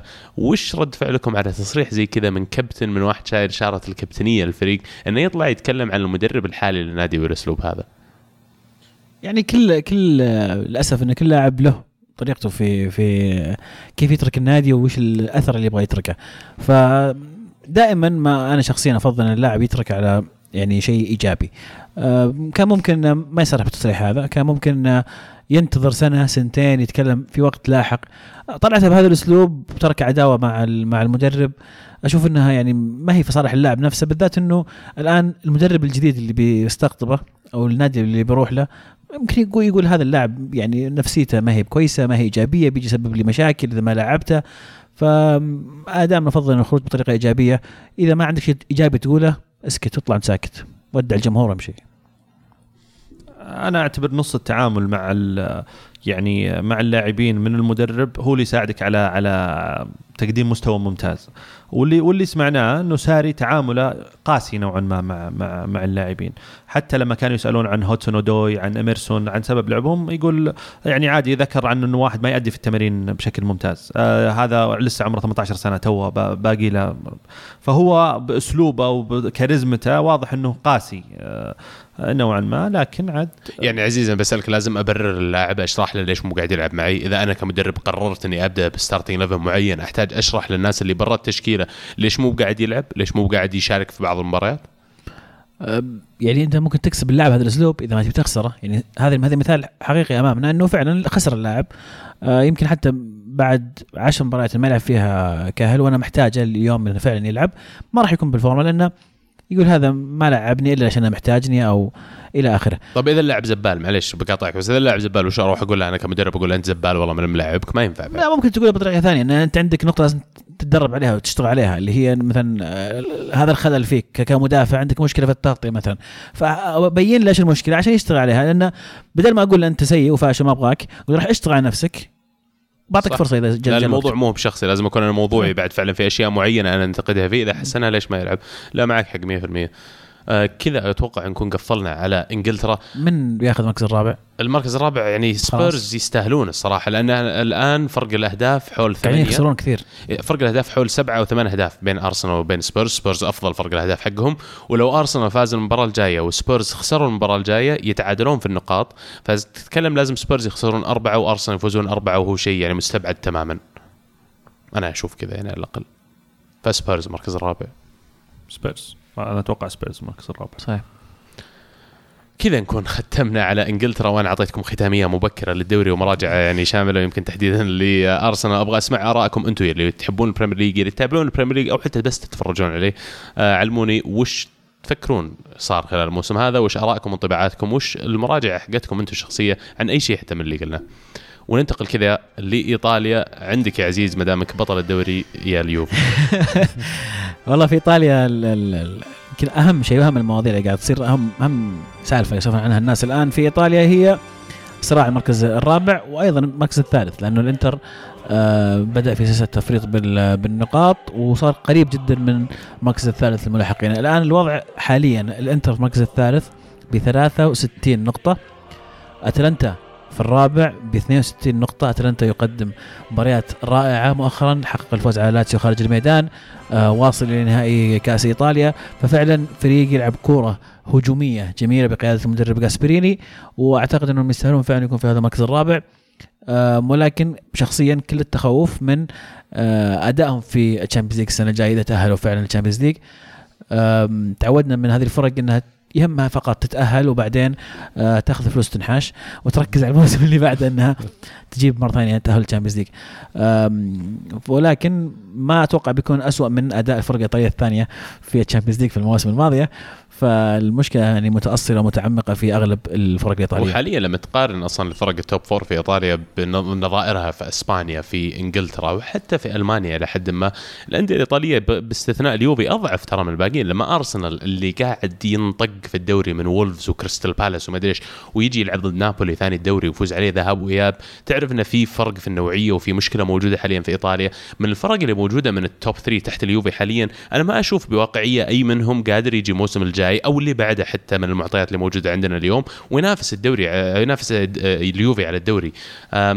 يعني شيء أنا أشوف محزن ترى حتى بالنسبة لليوفي. إذا أنت ما عندك فريق يدفعك لين آخر جولة في الموسم تسوي اللي قاعدين يسوونه السيتي وليفربول أنت فريقك نفسه يضعف. ويمكن هذا الشيء اللي حسيته أنت يا عزيز ضد فريق مثل آياكس لأنه مع كامل احترامي لآياكس يوفي بالإمكانيات اللي موجودة عنده وبحجم الفريق والأشياء اللي هو كان يطمح إليها المفروض انه بغض النظر عن حجم آياكس يقدر أنه يجتازه بكل سهولة. لكن أنا أعتقد أن هذا ثمن عدم وجود منافس حقيقي في الدوري. فعلا بالذات الموسم هذا يمكن يعني من زمان ما شفت الدوري الإيطالي يحسم بهالشكل مبكرا. يعني المواسم الماضية كان فعلا يعني يقعد إلى آخر جولتين ثلاث جولات. كان يكون قريب جدا نابولي روما كان ينافس. لكن الموسم هذا من بدا انحسم وفعلا أتفق معك يا عبد الله ما هو شيء إيجابي لل- لليوفي ولا للدوري الإيطالي بشكل عام. آه، في المركز الخامس وراء أتلانتا مباشرة آه، ميلان بعد فوز اليوم على بولونيا. آم، 59 نقطة فرق ثلاث نقاط. آه بعدهم أيضا روما بنفس عدد النقاط 59 ويلحقهم تورينو 57 والمركز الثامن لاتسيو 55 فزي ما شايفين ثمان نقاط بين المركز الثامن والمركز الثالث وأي شيء ممكن يصير لأن باقي ثلاث جولات يمكن أقل الدوري الدوريات تقدما في عدد جولات. آه لسه باقي ثلاث أسابيع راح تكون آه مصيرية وفي مواجهات مباشرة بين الفرق اللي, اللي تتنافس على هذا المركز. فما أدري وش وش توقعاتكم لل- للصراع هذا؟ كيف ممكن ينتهي؟ والله بتصير مفاجأة لو طلع انتر لا, لا ثالث ولا رابع. أه والله شوف أنا يعني آه، عن نفسي يعني كشخص يحب الكورة الحلوة ودي أتلانتا. آه، يعني أتلانتا كأقل تقدير آه، مركز ثالث أو رابع على الأقل. آه جاسبريني زي ما ذكرت عزيز قاعد يقدم فريق جدا ممتع وممتاز ورائع. آه مهاجم أنا أعتبره يمكن من أبالغ. عزيز إذا قلت من أفضل عشر مهاجمين في العالم الموسم هذا زباتا والله يعني عشرة, العشرة في العالم كثير. والله يعني يمكن العاشر. العاشر على الأقل 15 آه لا مهاجم جدا ممتاز رائع. يا أخي يخلق لنفسه الفرص آه كويس بالراس كويس بالكرة في الأرض.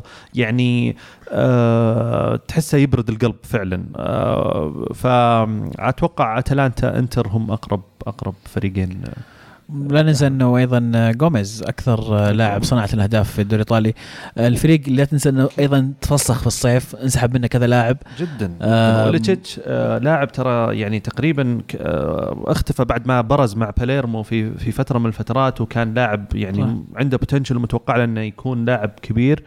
آه اختفى انتقل لفيورنتينا أعتقد واختفى في فترة من الفترات. الآن رجع عاد اكتشافه جاسبريني ومقدم موسم جدا رائع. ولكن أيضا يظل يظل آه، ميلان عنده فرصة كبيرة إنه يرجع ويخطف المركز الرابع. أسهل نوعا ما. ثلاث نقاط باقي ثلاث جولات. فعلا أي شيء ممكن يصير. آه، اصعب بشكل أصعب طبعا لاتسيو وتورينو بشكل أصعب أيضا روما لأن مبارياتهم يمكن تكون أصعب على الورق.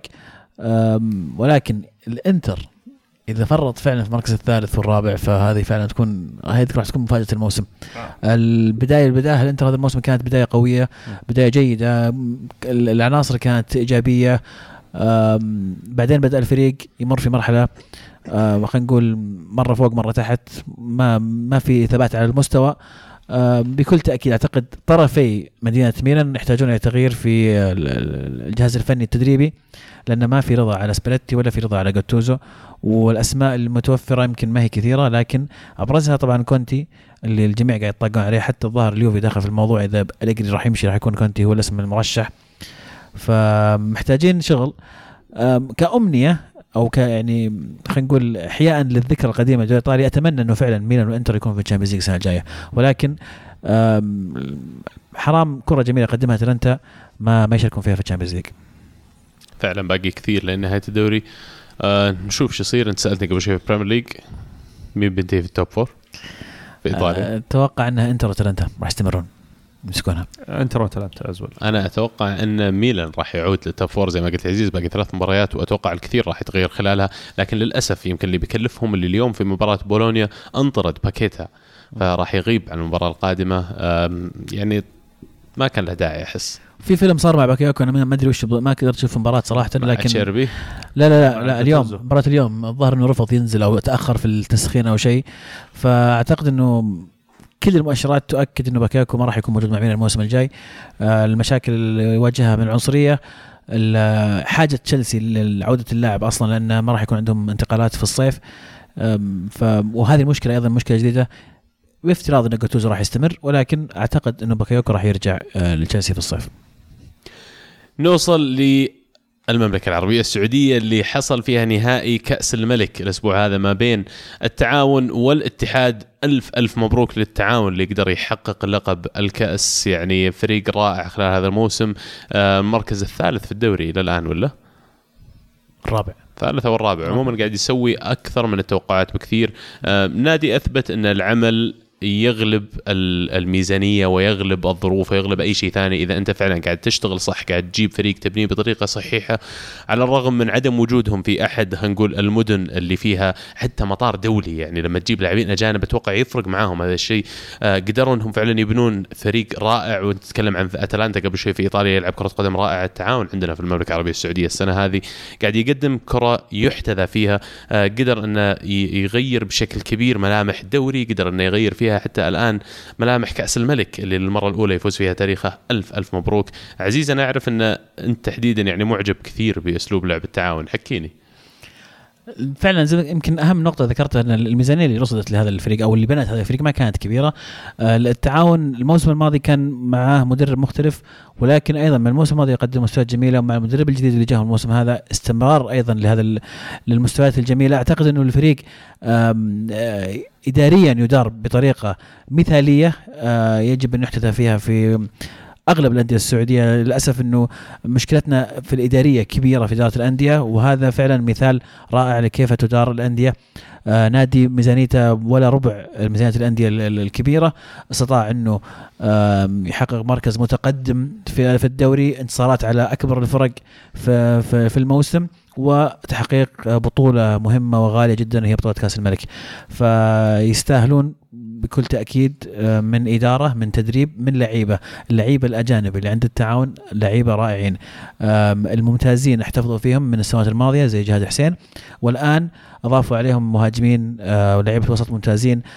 لاعب زي حارس. ممتاز. حارس ممتاز. آه، مدافعين آه، لاعب زي توامبا مثلا يعني ما حد يدري عنه ما حد يعرفه ولكن فعلا الآن أتوقع إنه كل الأندية آم، راح صار انها تحصل عليه وأعتقد إنه راح يغادر ما في أي سبب يقنع انه يغادر راح نشوفه من السنة الجاية في آه، لا تعتقد إنه بيغادر؟ ما أعتقد لا أوكي. أعتقد إنه يعني مبسوط في في, في النادي حقق إنجاز أول راح يطمحون السنة الجاية يحققون إنجاز ثاني راح يشاركون في دوري الأبطال ففي أشياء محفزة للاعب إنه يبقى مع الفريق ويقدم مستوى على الأقل موسم لموسم ثاني. نعم. إضافي صح إيه. آه، مع إن آسيا راح تاخذ معهم سنة ونص ما هي بموسم واحد فهذه نرجع للحسبة هذه مختلفة الاتحاد تفادى الهبوط هذا الموسم الدوري وخسر ف- فرصة تحقيق كأس ولقب غالي اللي هو كأس الملك مراجعتك الموسم الاتحاد المفروض هل جماهير الاتحاد بعد هذا اللي صار خلاص يقول الحمد لله ما هبطنا بغض النظر عن تحقيق الكأس ولا المفروض يزعل انه وجوده في المركز هذا وخسارته للنهائي بالطريقة اللي حصلت في الدقائق الأخيرة يعني. طبيعي أي نهائي بتخسره أكيد راح يكون فيه تحسر.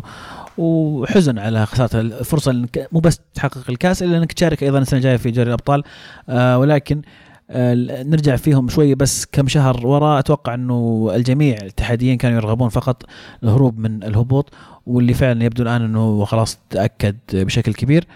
ما أعتقد إنه في شيء أي شيء يحتفظ فيه الاتحاد في هذا الموسم. أتوقع الموسم للنسيان. عودة السياره كانت إيجابية جدا ومهمة لنادي الاتحاد وأتوقع الموسم الجاي راح يكون في تعزيزات وتحسينات في الفريق وراح يقدمون موسم أفضل. في أخبار قاعدة تطلع في السطح في الدوري السعودي يقال إن السومة أقترب كثير من الهلال. هل صح الكلام عبد الرحمن؟ من الهلال؟ يقولون. هالكلام اليوم وأمس. آه أوكي. يقولون أنا انه بات يعني قريب جدا جدا من التوقيع مع الهلال. يمكن السومة أكثر لاعب آه، طلع عليه كلام إنه بينتقل لجميع الأندية السعودية. في بداية الموسم كان طبعا النصر زي ما ذكر رئيس آه، الأهلي إنه كان قريب من النصر بعد ما استلم الرئاسة وقف انتقاله. بعد ما صارت مشاكل آه، برضو في وسط الموسم طلع كلام كثير عن الشباب إنه ممكن خالد البلطان آه، ك عشان كترشيح لفترة رئاسية جديدة آه، را- راح يلعب بورقة عمر السومه إنه ممكن يجيبها للشباب الآن أنت تقول الهلال أنا يعني أعتقد على مستوى الهلال إذا بنتكلم عمر السومه لاعب كبير وأكيد إنه يتمناه أي فريق.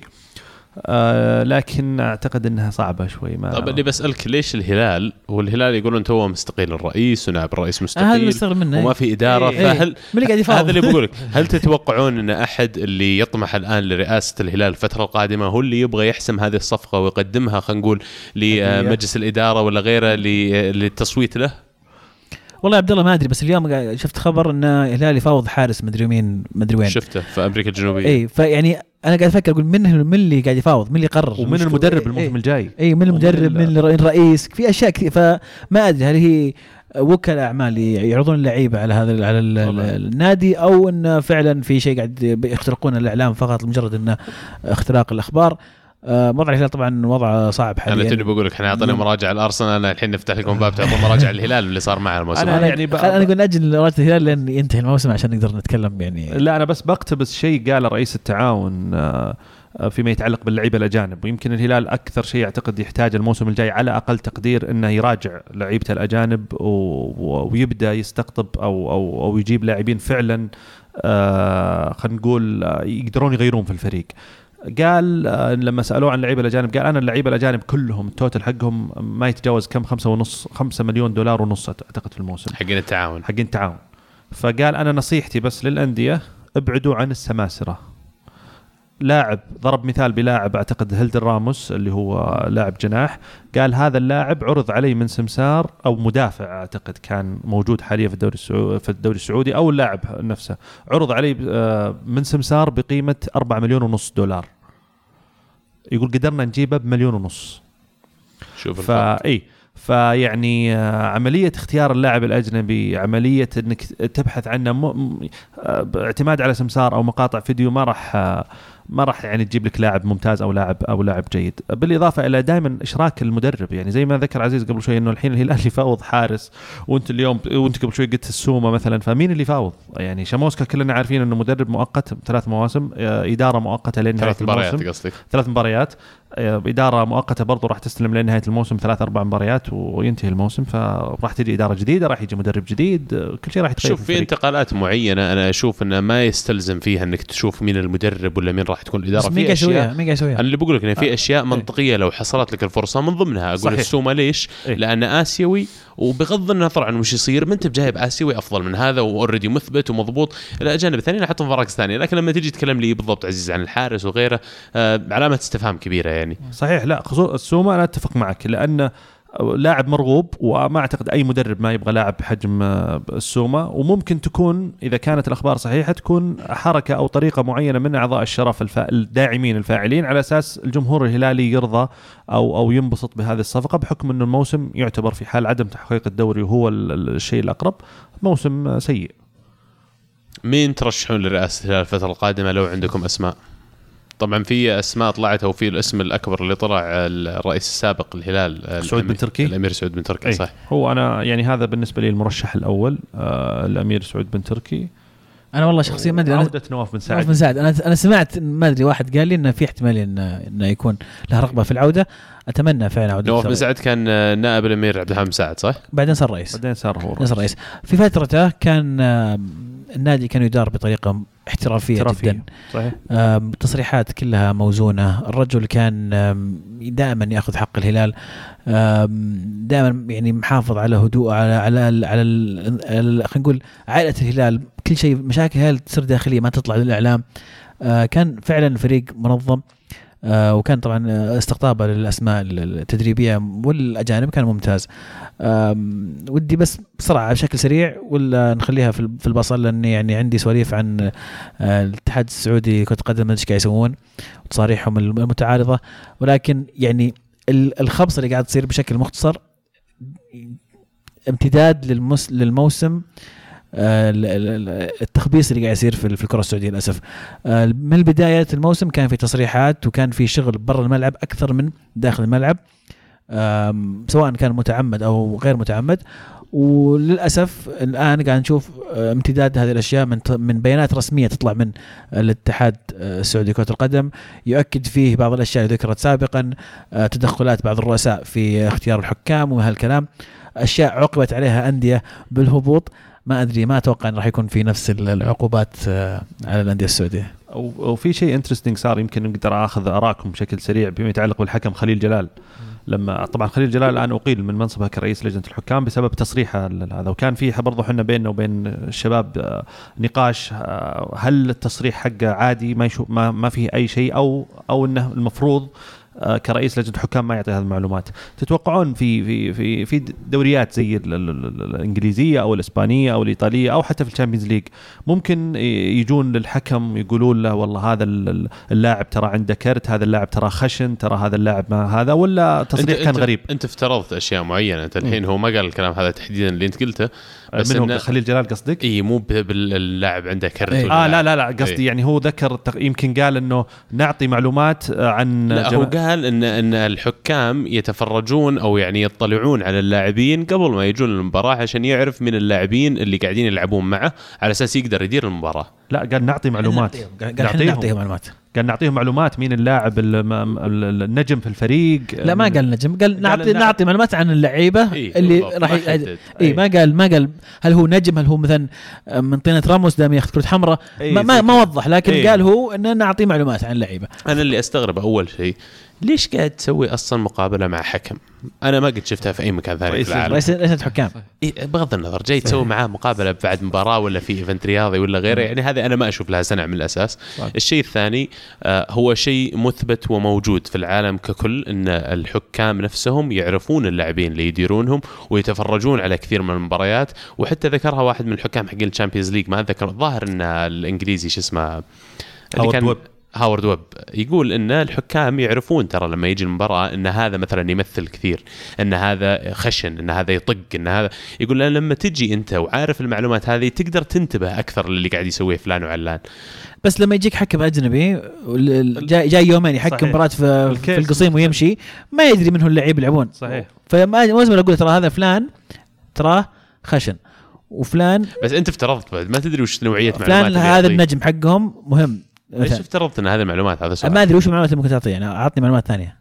وش ممكن ما أدري ما أقدر أفترض يعني. إي بس وش ممكن يكون؟ أنا قاعد أتخيل فقط. ما ما قلت إن هذه اللي انقالت أنا قلت أتخيل إنه ممكن هذا اللي بيقول هو أصلا طلع طلع خليل جلال في تصريح بعد إقالته سالوه قال أنا ممنوع من التصريح أو ال- ال- إني أتكلم ولا بدري.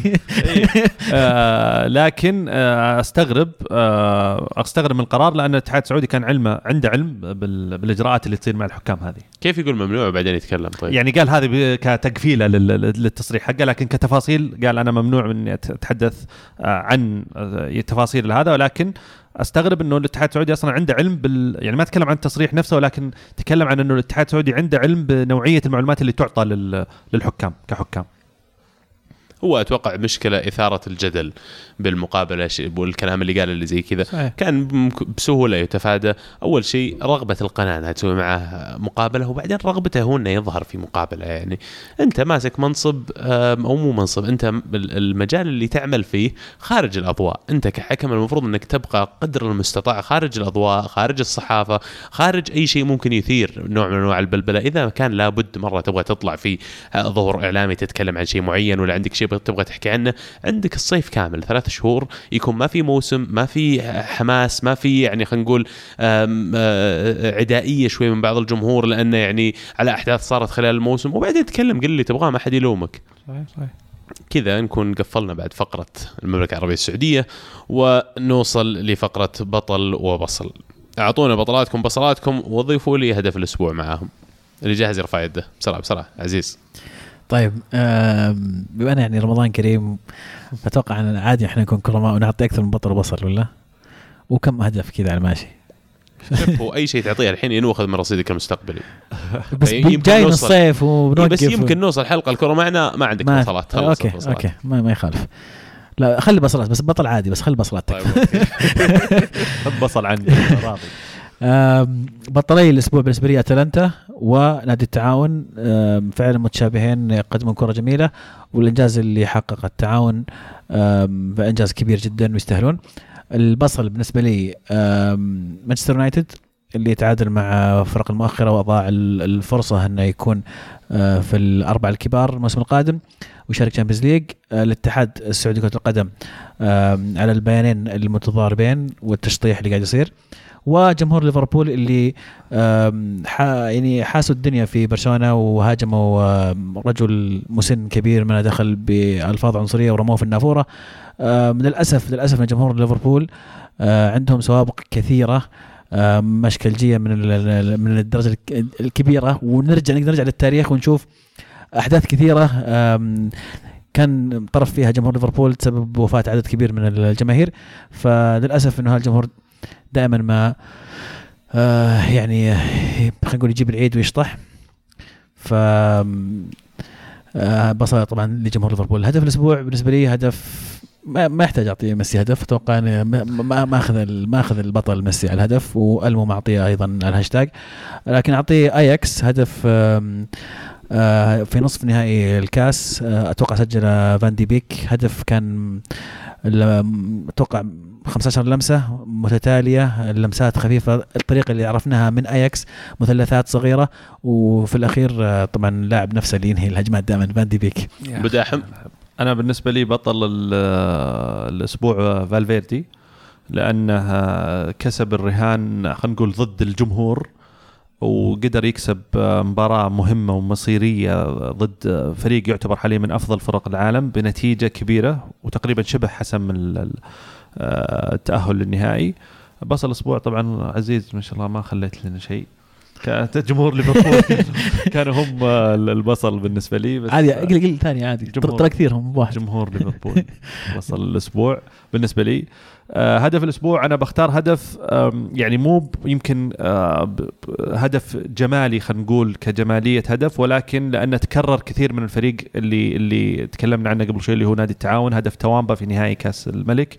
آه هدف آه خلينا نقول آه نسخة متكررة من كثير أهداف تبين لك إنه هذا عمل فريق وعمل مدرب.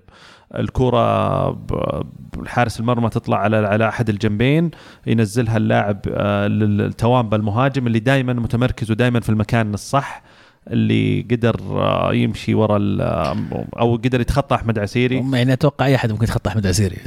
الوضع مرة. للأسف إن اللاعب لا بس سيء جدا. برضو في نفس بنفس اللقطة يمكن جابوا هدف ضد الاتحاد وكان مروان داكوستا هو المدافع اللي. قدر نفس نفس الطريقة ف صحيح. فهدف يبين لك إنه في شغل مدرب وفي شغل فريق. من ضمن الأبطال اللي ذكرتوهم يعني فعلا أي أحد آه، يتجاوز ليونيل ميسي هالأسبوع بيكون يرتكب خطأ ويعني نذكر اسمه وفعلا يستاهل لكن أنا بختار البطل هذا مختلف الأسبوع. هذا نادي باوك اليوناني حقق الدوري هالأسبوع بدون ولا هزيمة في الدوري اليوناني. حققوا ال invincibles زي ما يقولون وصاروا فريق ما خسر وحقق الدوري. ومعاهم لاعب من أرسنال أكيد اللي اعطاهم الروح تشوبا أكبوم. آه، لاعب كان موجود في فئات السنيه لعب مع الفريق بشكل متقطع خلينا نقول فترات من الفترات آه، على أواخر فترات أرسن فينجر. آه، والآن يروح اليونان ويحقق الدوري بلا هزيمة. وخلينا نقول يعني آه، يطلع روح تييري هنري الموضوع بعد. آه، بس لحظة اسمه بالله تشوبا اكبوم كان يلعب في أرسنال فترة مهاجم. كان عليه ما آمال كبيرة يعني. بس, بس ما أظن راحت الامل إيه لعب لعب شوي وما قدر يقلش مع الفريق الظاهر باوك من حققوه بعد غياب فترة طويلة عن عن الدوري ال- اليوناني والله الأمانة أنا ما أتابع كثير دوري اليوناني بس أولمبياكوس العادة هو اللي ماكل الأجواء هناك يعني هذا اللي خبر. أما على بصل الأسبوع مضطر أعطيها لالكسيس سانشيز. يعني اللاعب هذا تحديدا أنا كمحب لنادي أرسنال. يعني يؤلمني شوي الصراحه لما أشوف لاعب وصل اللي وصل إليه من مستوى ومن آه، أعطاء على الملعب ويجي في مباراة زي هادرسفيلد تاون اللي هم متذيل ترتيب الدوري الإنجليزي ومن كثر ما أدائك سيء يدخل مكانك لاعب أول مرة أشوفه حتى ما أقدر أنطق اسمه اسمه تاهيث تشونك يعني إن المدرب يستبدلك بداية الشوط الثاني بلاعب زي كذا تعرف إنك وصلت مرحلة يعني من ال... من السوء. إي من التراجع إنه ما قد وصلتها وشيء مؤلم سقوط الكبار لأنه يطلع له صدى كبير.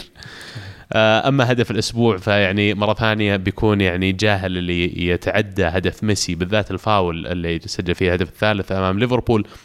لكن ما في هدف له معنى وله خلينا نقول قيمة هالأسبوع قد هدف آه، اللي هو كومباني قبل شوي في مباراة مانشستر سيتي. تسديدة رائعة من خارج منطقة الجزاء. آه، ما تتصورها من مدافع. آه، فما بالك إذا كان مدافع كانت مشاركته متقطعة خلال هذا الموسم ومع كذا سجل هذا الهدف اللي حسم فيه نقاط الثلاثة لصالح مانشستر سيتي وممكن تكون إحدى اللقطات اللي تعرض لنهاية الموسم في سيتي في طريق تحقيقهم للقب ومن جد من الأشياء اللي حسمها في صالحهم. آه، ألف مبروك للسيتي وألف مبروك لكومباني. هذا الهدف الرائع والثلاث نقاط اليوم. نوصل لهاشتاج الحلقة عندك عزيز أو hashtag- hashtag الكرة معنا. هاشتاج كوره معنا.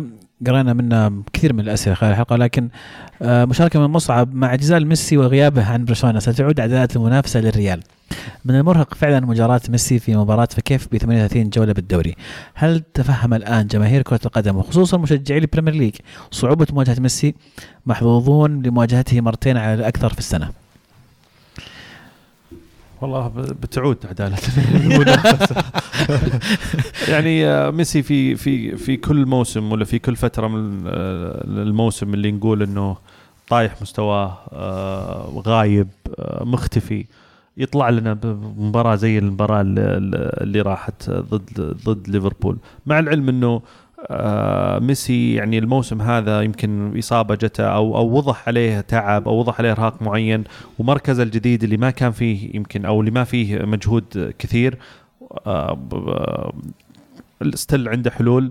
قدر يطور نفسه في الكرة الثابتة بشكل جدا كبير زي ما قلنا يمكن سابقا كنا نتكلم نقول مقارنات بين ميسي وكريستيانو إنه كريستيانو ممتاز في ال- ال- الكرات الهوائية بالرأس ميسي ما عنده هذه الميزة الفاولات عند كريستيانو ميسي ما عنده هذه الميزة. آه، اللي قاعدين نشوفه ميسي في آخر الفترات يعني يمكن من أفضل المسددين كرات ال- الركلات الحرة والفاولات في ال- في العالم. يعني آه، يجي فاول تحس إنه آه، هدف يعني. فبس خلاص لا تخليه يتكلم لا قدم الكرة شوي ترى يعني. لا إيه حركها شوي. إيه الفاول ترى صاير قبل وبعدين أصلا حتى كانوا يقولون إنه الفاول أصلا عكسي الفاول مو بالميسي الفاول على ميسي بس بغض. النظر الهدف يعني. في يلا أبو أمير يقول لك هذا خامس أفضل لاعب بالعالم يا ترى كيف الأول؟ أنت يا. ميسي. خامس أفضل كترتيب الظاهر جوائز ال- آه okay عاد آه، يعني هم يعني عندهم standard معين عاد مو بكل مرة إيه. يعني بنقعد مهند. نتكلم عن نفس. مهند يضيف يقول ميسي ميسي ميسي ميسي وبس أي أحد يقلل من ميسي وحاط آه، صورة واحد يطلع مخه يرميه في الزبالة لكن نصل إلى فهد اللي يقول السلام عليكم متابع قديم جدا لكم وهذه أول مشاركة لي. شوف إذا واحد قال هذه أول مشاركة تدري إنه عنده شيء مرة مهم بيقوله خلاه يكسر هذا الحاجز ويجي يكتب لنا الله. كلام كلام حياك الله ف... فهد. ففهد يقول حاب أشكركم على الجهودات الرائعة. سبب مشاركتي هو التطبيل الزايد والمقزز لميسي. يا جماعة أسطورة. من أفضل اللاعبين بالتاريخ لكن مو معقول التطبيل. الرجل فشل مع الأرجنتين فشل ذريع نجح فقط مع برشا. لماذا التطبيل؟ هذا واضح بدا يسمع معنا فترة آه، أبو شامسي وما يدري عن واحد اسمه المو هذا اللي توي بقوله يعني طبينا في ميسي في فترة من الفترات ومع مع- وعلى مستوى المنتخب ولكن يعني ما حد يقدر ينكر. يعني فهد في التغريدة نفسها يقول أسطورة ومن أفضل اللاعبين بالتاريخ لكن مو معقول التطبيل. يعني وش وصلناه؟ ما عاد بقى إيه، ليفل إيه، أصلا خلاص، ما بعد. كذا هذه يمكن أبرز التغريدات كانت موضوعنا المهم. ميسي ناخذ آخر مشاركة أه، من أه، عبودي يقول جايب خبر من الديلي ميل يقول نادي برشلونة يتحول إلى نجم أرسنال ألكسندر لاكازيت في حال فشلوا بالتعاقد مع أنطوان جريزمان من أتلتيكو مدريد. هذا الصيف الرقم المطلوب 53 مليون جنيه استرليني. آه عبد الله وش رأيك بالكلام؟ طبعا هو كاتب أحمد وش رأيك بالكلام؟ لكن يقصد أتوقع يقصدك أنت يا عبد الله والله أنا okay يصير اسمي أحمد لعيونكم ما يعني لك زي أنا ما أتوقع أول شيء بيطلع له بيطلع ب 50 يمكن يطلع أقرب ل 60 70 لأن ارسنال شراه ب 50 أصلا وما عندهم مشكلة يخلونه يكمل عقده لو بينباع بالقيمة هذه. الشيء الثاني إنه لاكازيت واوباميانج اللاعبين الاثنين اللي ما يستاهلون يكونون في أرسنال خلال الفترة هذه لاعبين أعلى من مستوى الفريق بكثير يعني من اللاعبين الآخرين الموجودين. جدا أرسنال. والله هذا الواقع معليش أنا يعني واقعي مهما كان لما أشوف شيء يزعلني ان هذا اللي قاعد يصير. والواقع إن اوباميانج يستحق فريق مثل ليفربول مثلا ينافس السيتي على لقب الدوري وينافس إلى آخر قطرة دم في ال Champions League. لاكازيت نفس الشيء هو أفضل لاعب في أرسنال الموسم هذا. بس عبد الله آسف مو قصدي أقاطعك بس إذا تبي توصل إلى إلى هذه المستويات العالية أنت تحتاج لاعبين من هذا النوع. بدل ما تقول ما يستاهلونهم لا تقول يستاهلون لاعبين زيهم في الوسط وفي الدفاع عشان يعزون الفريق طب ما انت بجايب أنت ما انت بجايب لاعبين زيهم في الوسط الدفاع أنت وش تسوي؟ تقعدهم؟ لا والله ما ودي يقعدون خلهم يروحون الله يوفقهم ويستر عليهم. والله يا عمي هالشهر الفضيل يا رجال لا تقعد تطلع تخلينا نقول أشياء إحنا ما نبغى نقولها. آه الزبده ان لك زي أفضل لاعب في أرسنال الموسم هذا وفعلا يستحق يروح النادي مثل برشلونة راح يكون إضافة كبيرة بالنسبة لهم. عمره 26 سنة 27 سنة آه ما زال قدامه أقل شيء أربع خمس سنوات على أعلى مستوى ولقى رتم عالي في المنافسات الأوروبية بشكل عام. هداف الفريق في أغلب البطولات ما عدا الدوري. يعني يستاهل يكون في نادي زي برشلونة بالذات انه عندهم لاعب مثل سواريز فأنت مو متوقع منك إنك راح تكون أساسي في جميع المباريات. ومع كذا أتوقع لك زي لو يروح راح يثبت نفسه لأنه فعلا اللي قدمه مع الفريق السنة هذه مو بقليل يعطيكم العافية جميعا. شكرا لكل من شاركنا على الهاشتاج. شاركونا أيضا الأسبوع القادم على نفس ال hashtag الكورة underscore. معنا آه، رسلوا لنا طبعا توقعاتكم للحسم Premier League راح ينحسم في الأسبوع القادم. آه، فأعطونا توقعاتكم وارائكم على الجولة القادمة. وأيضا توقعاتكم للدوريات الباقية آه، اللي لسه ما انحسم فيها المراكز. آه، الدوري الايطالي الدوري الاسباني المركز الرابع أتوقع آه، يعني أيضا الصراع فيه جميل. وأيضا الألماني اللي بايرن طبعا فرق بأربع نقاط عن دورتموند. هل هل حسم الدوري الألماني خلاص راح لدورتموند؟ أه، شاركونا ارائكم وأيضا في الأخير. مبروك للهلال السعودي تاهل إلى دور ال 16 من دوري أبطال آسيا. هارد لك للأهلي الخسارة اليوم. أتوقع أنه لسه في امل للاهلي والتوفيق غدا للنصر والاتحاد. عبد الله مبسوط؟ طيب ابتسامة. والله استغرب ما توقعتك تقولها أبد الصراحه أذكركم كمان تقولون لنا الحلقة الجاية أو المرة الجاية اللي راح نحكي معاكم فيها راح يكون خلاص تحدد قطبي نهائي ال Champions League فأعطونا توقعاتكم كمان المباراة النهائية وإيش تتوقعون راح يصير فيها ولا حتى انطباعاتكم عن مباريات ال semi-final اللي راح تصير. الشكر موصول لكم يا شباب على مشاركتكم هذه الحلقة الرائعة ما قصرتوا؟ يعطيك العافية، شكراً. يعطيكم العافية. أنتم كذلك واذكركم تتابعون جميع حساباتنا على التواصل الاجتماعي تويتر ساوند كلاود اي تيونز سناب شات آه، حتى الآن على أنغامي موجودين. يوتيوب كذلك موجودين. subscribe subscribe like follow اتركوا لنا review. ما نستغني عن متابعتكم ودعمكم. كمان سوقوا لنا عند أخوياكم ترى ما نستغني. وكانت الكرة معنا الحين. الكرة معكم. فمان الله.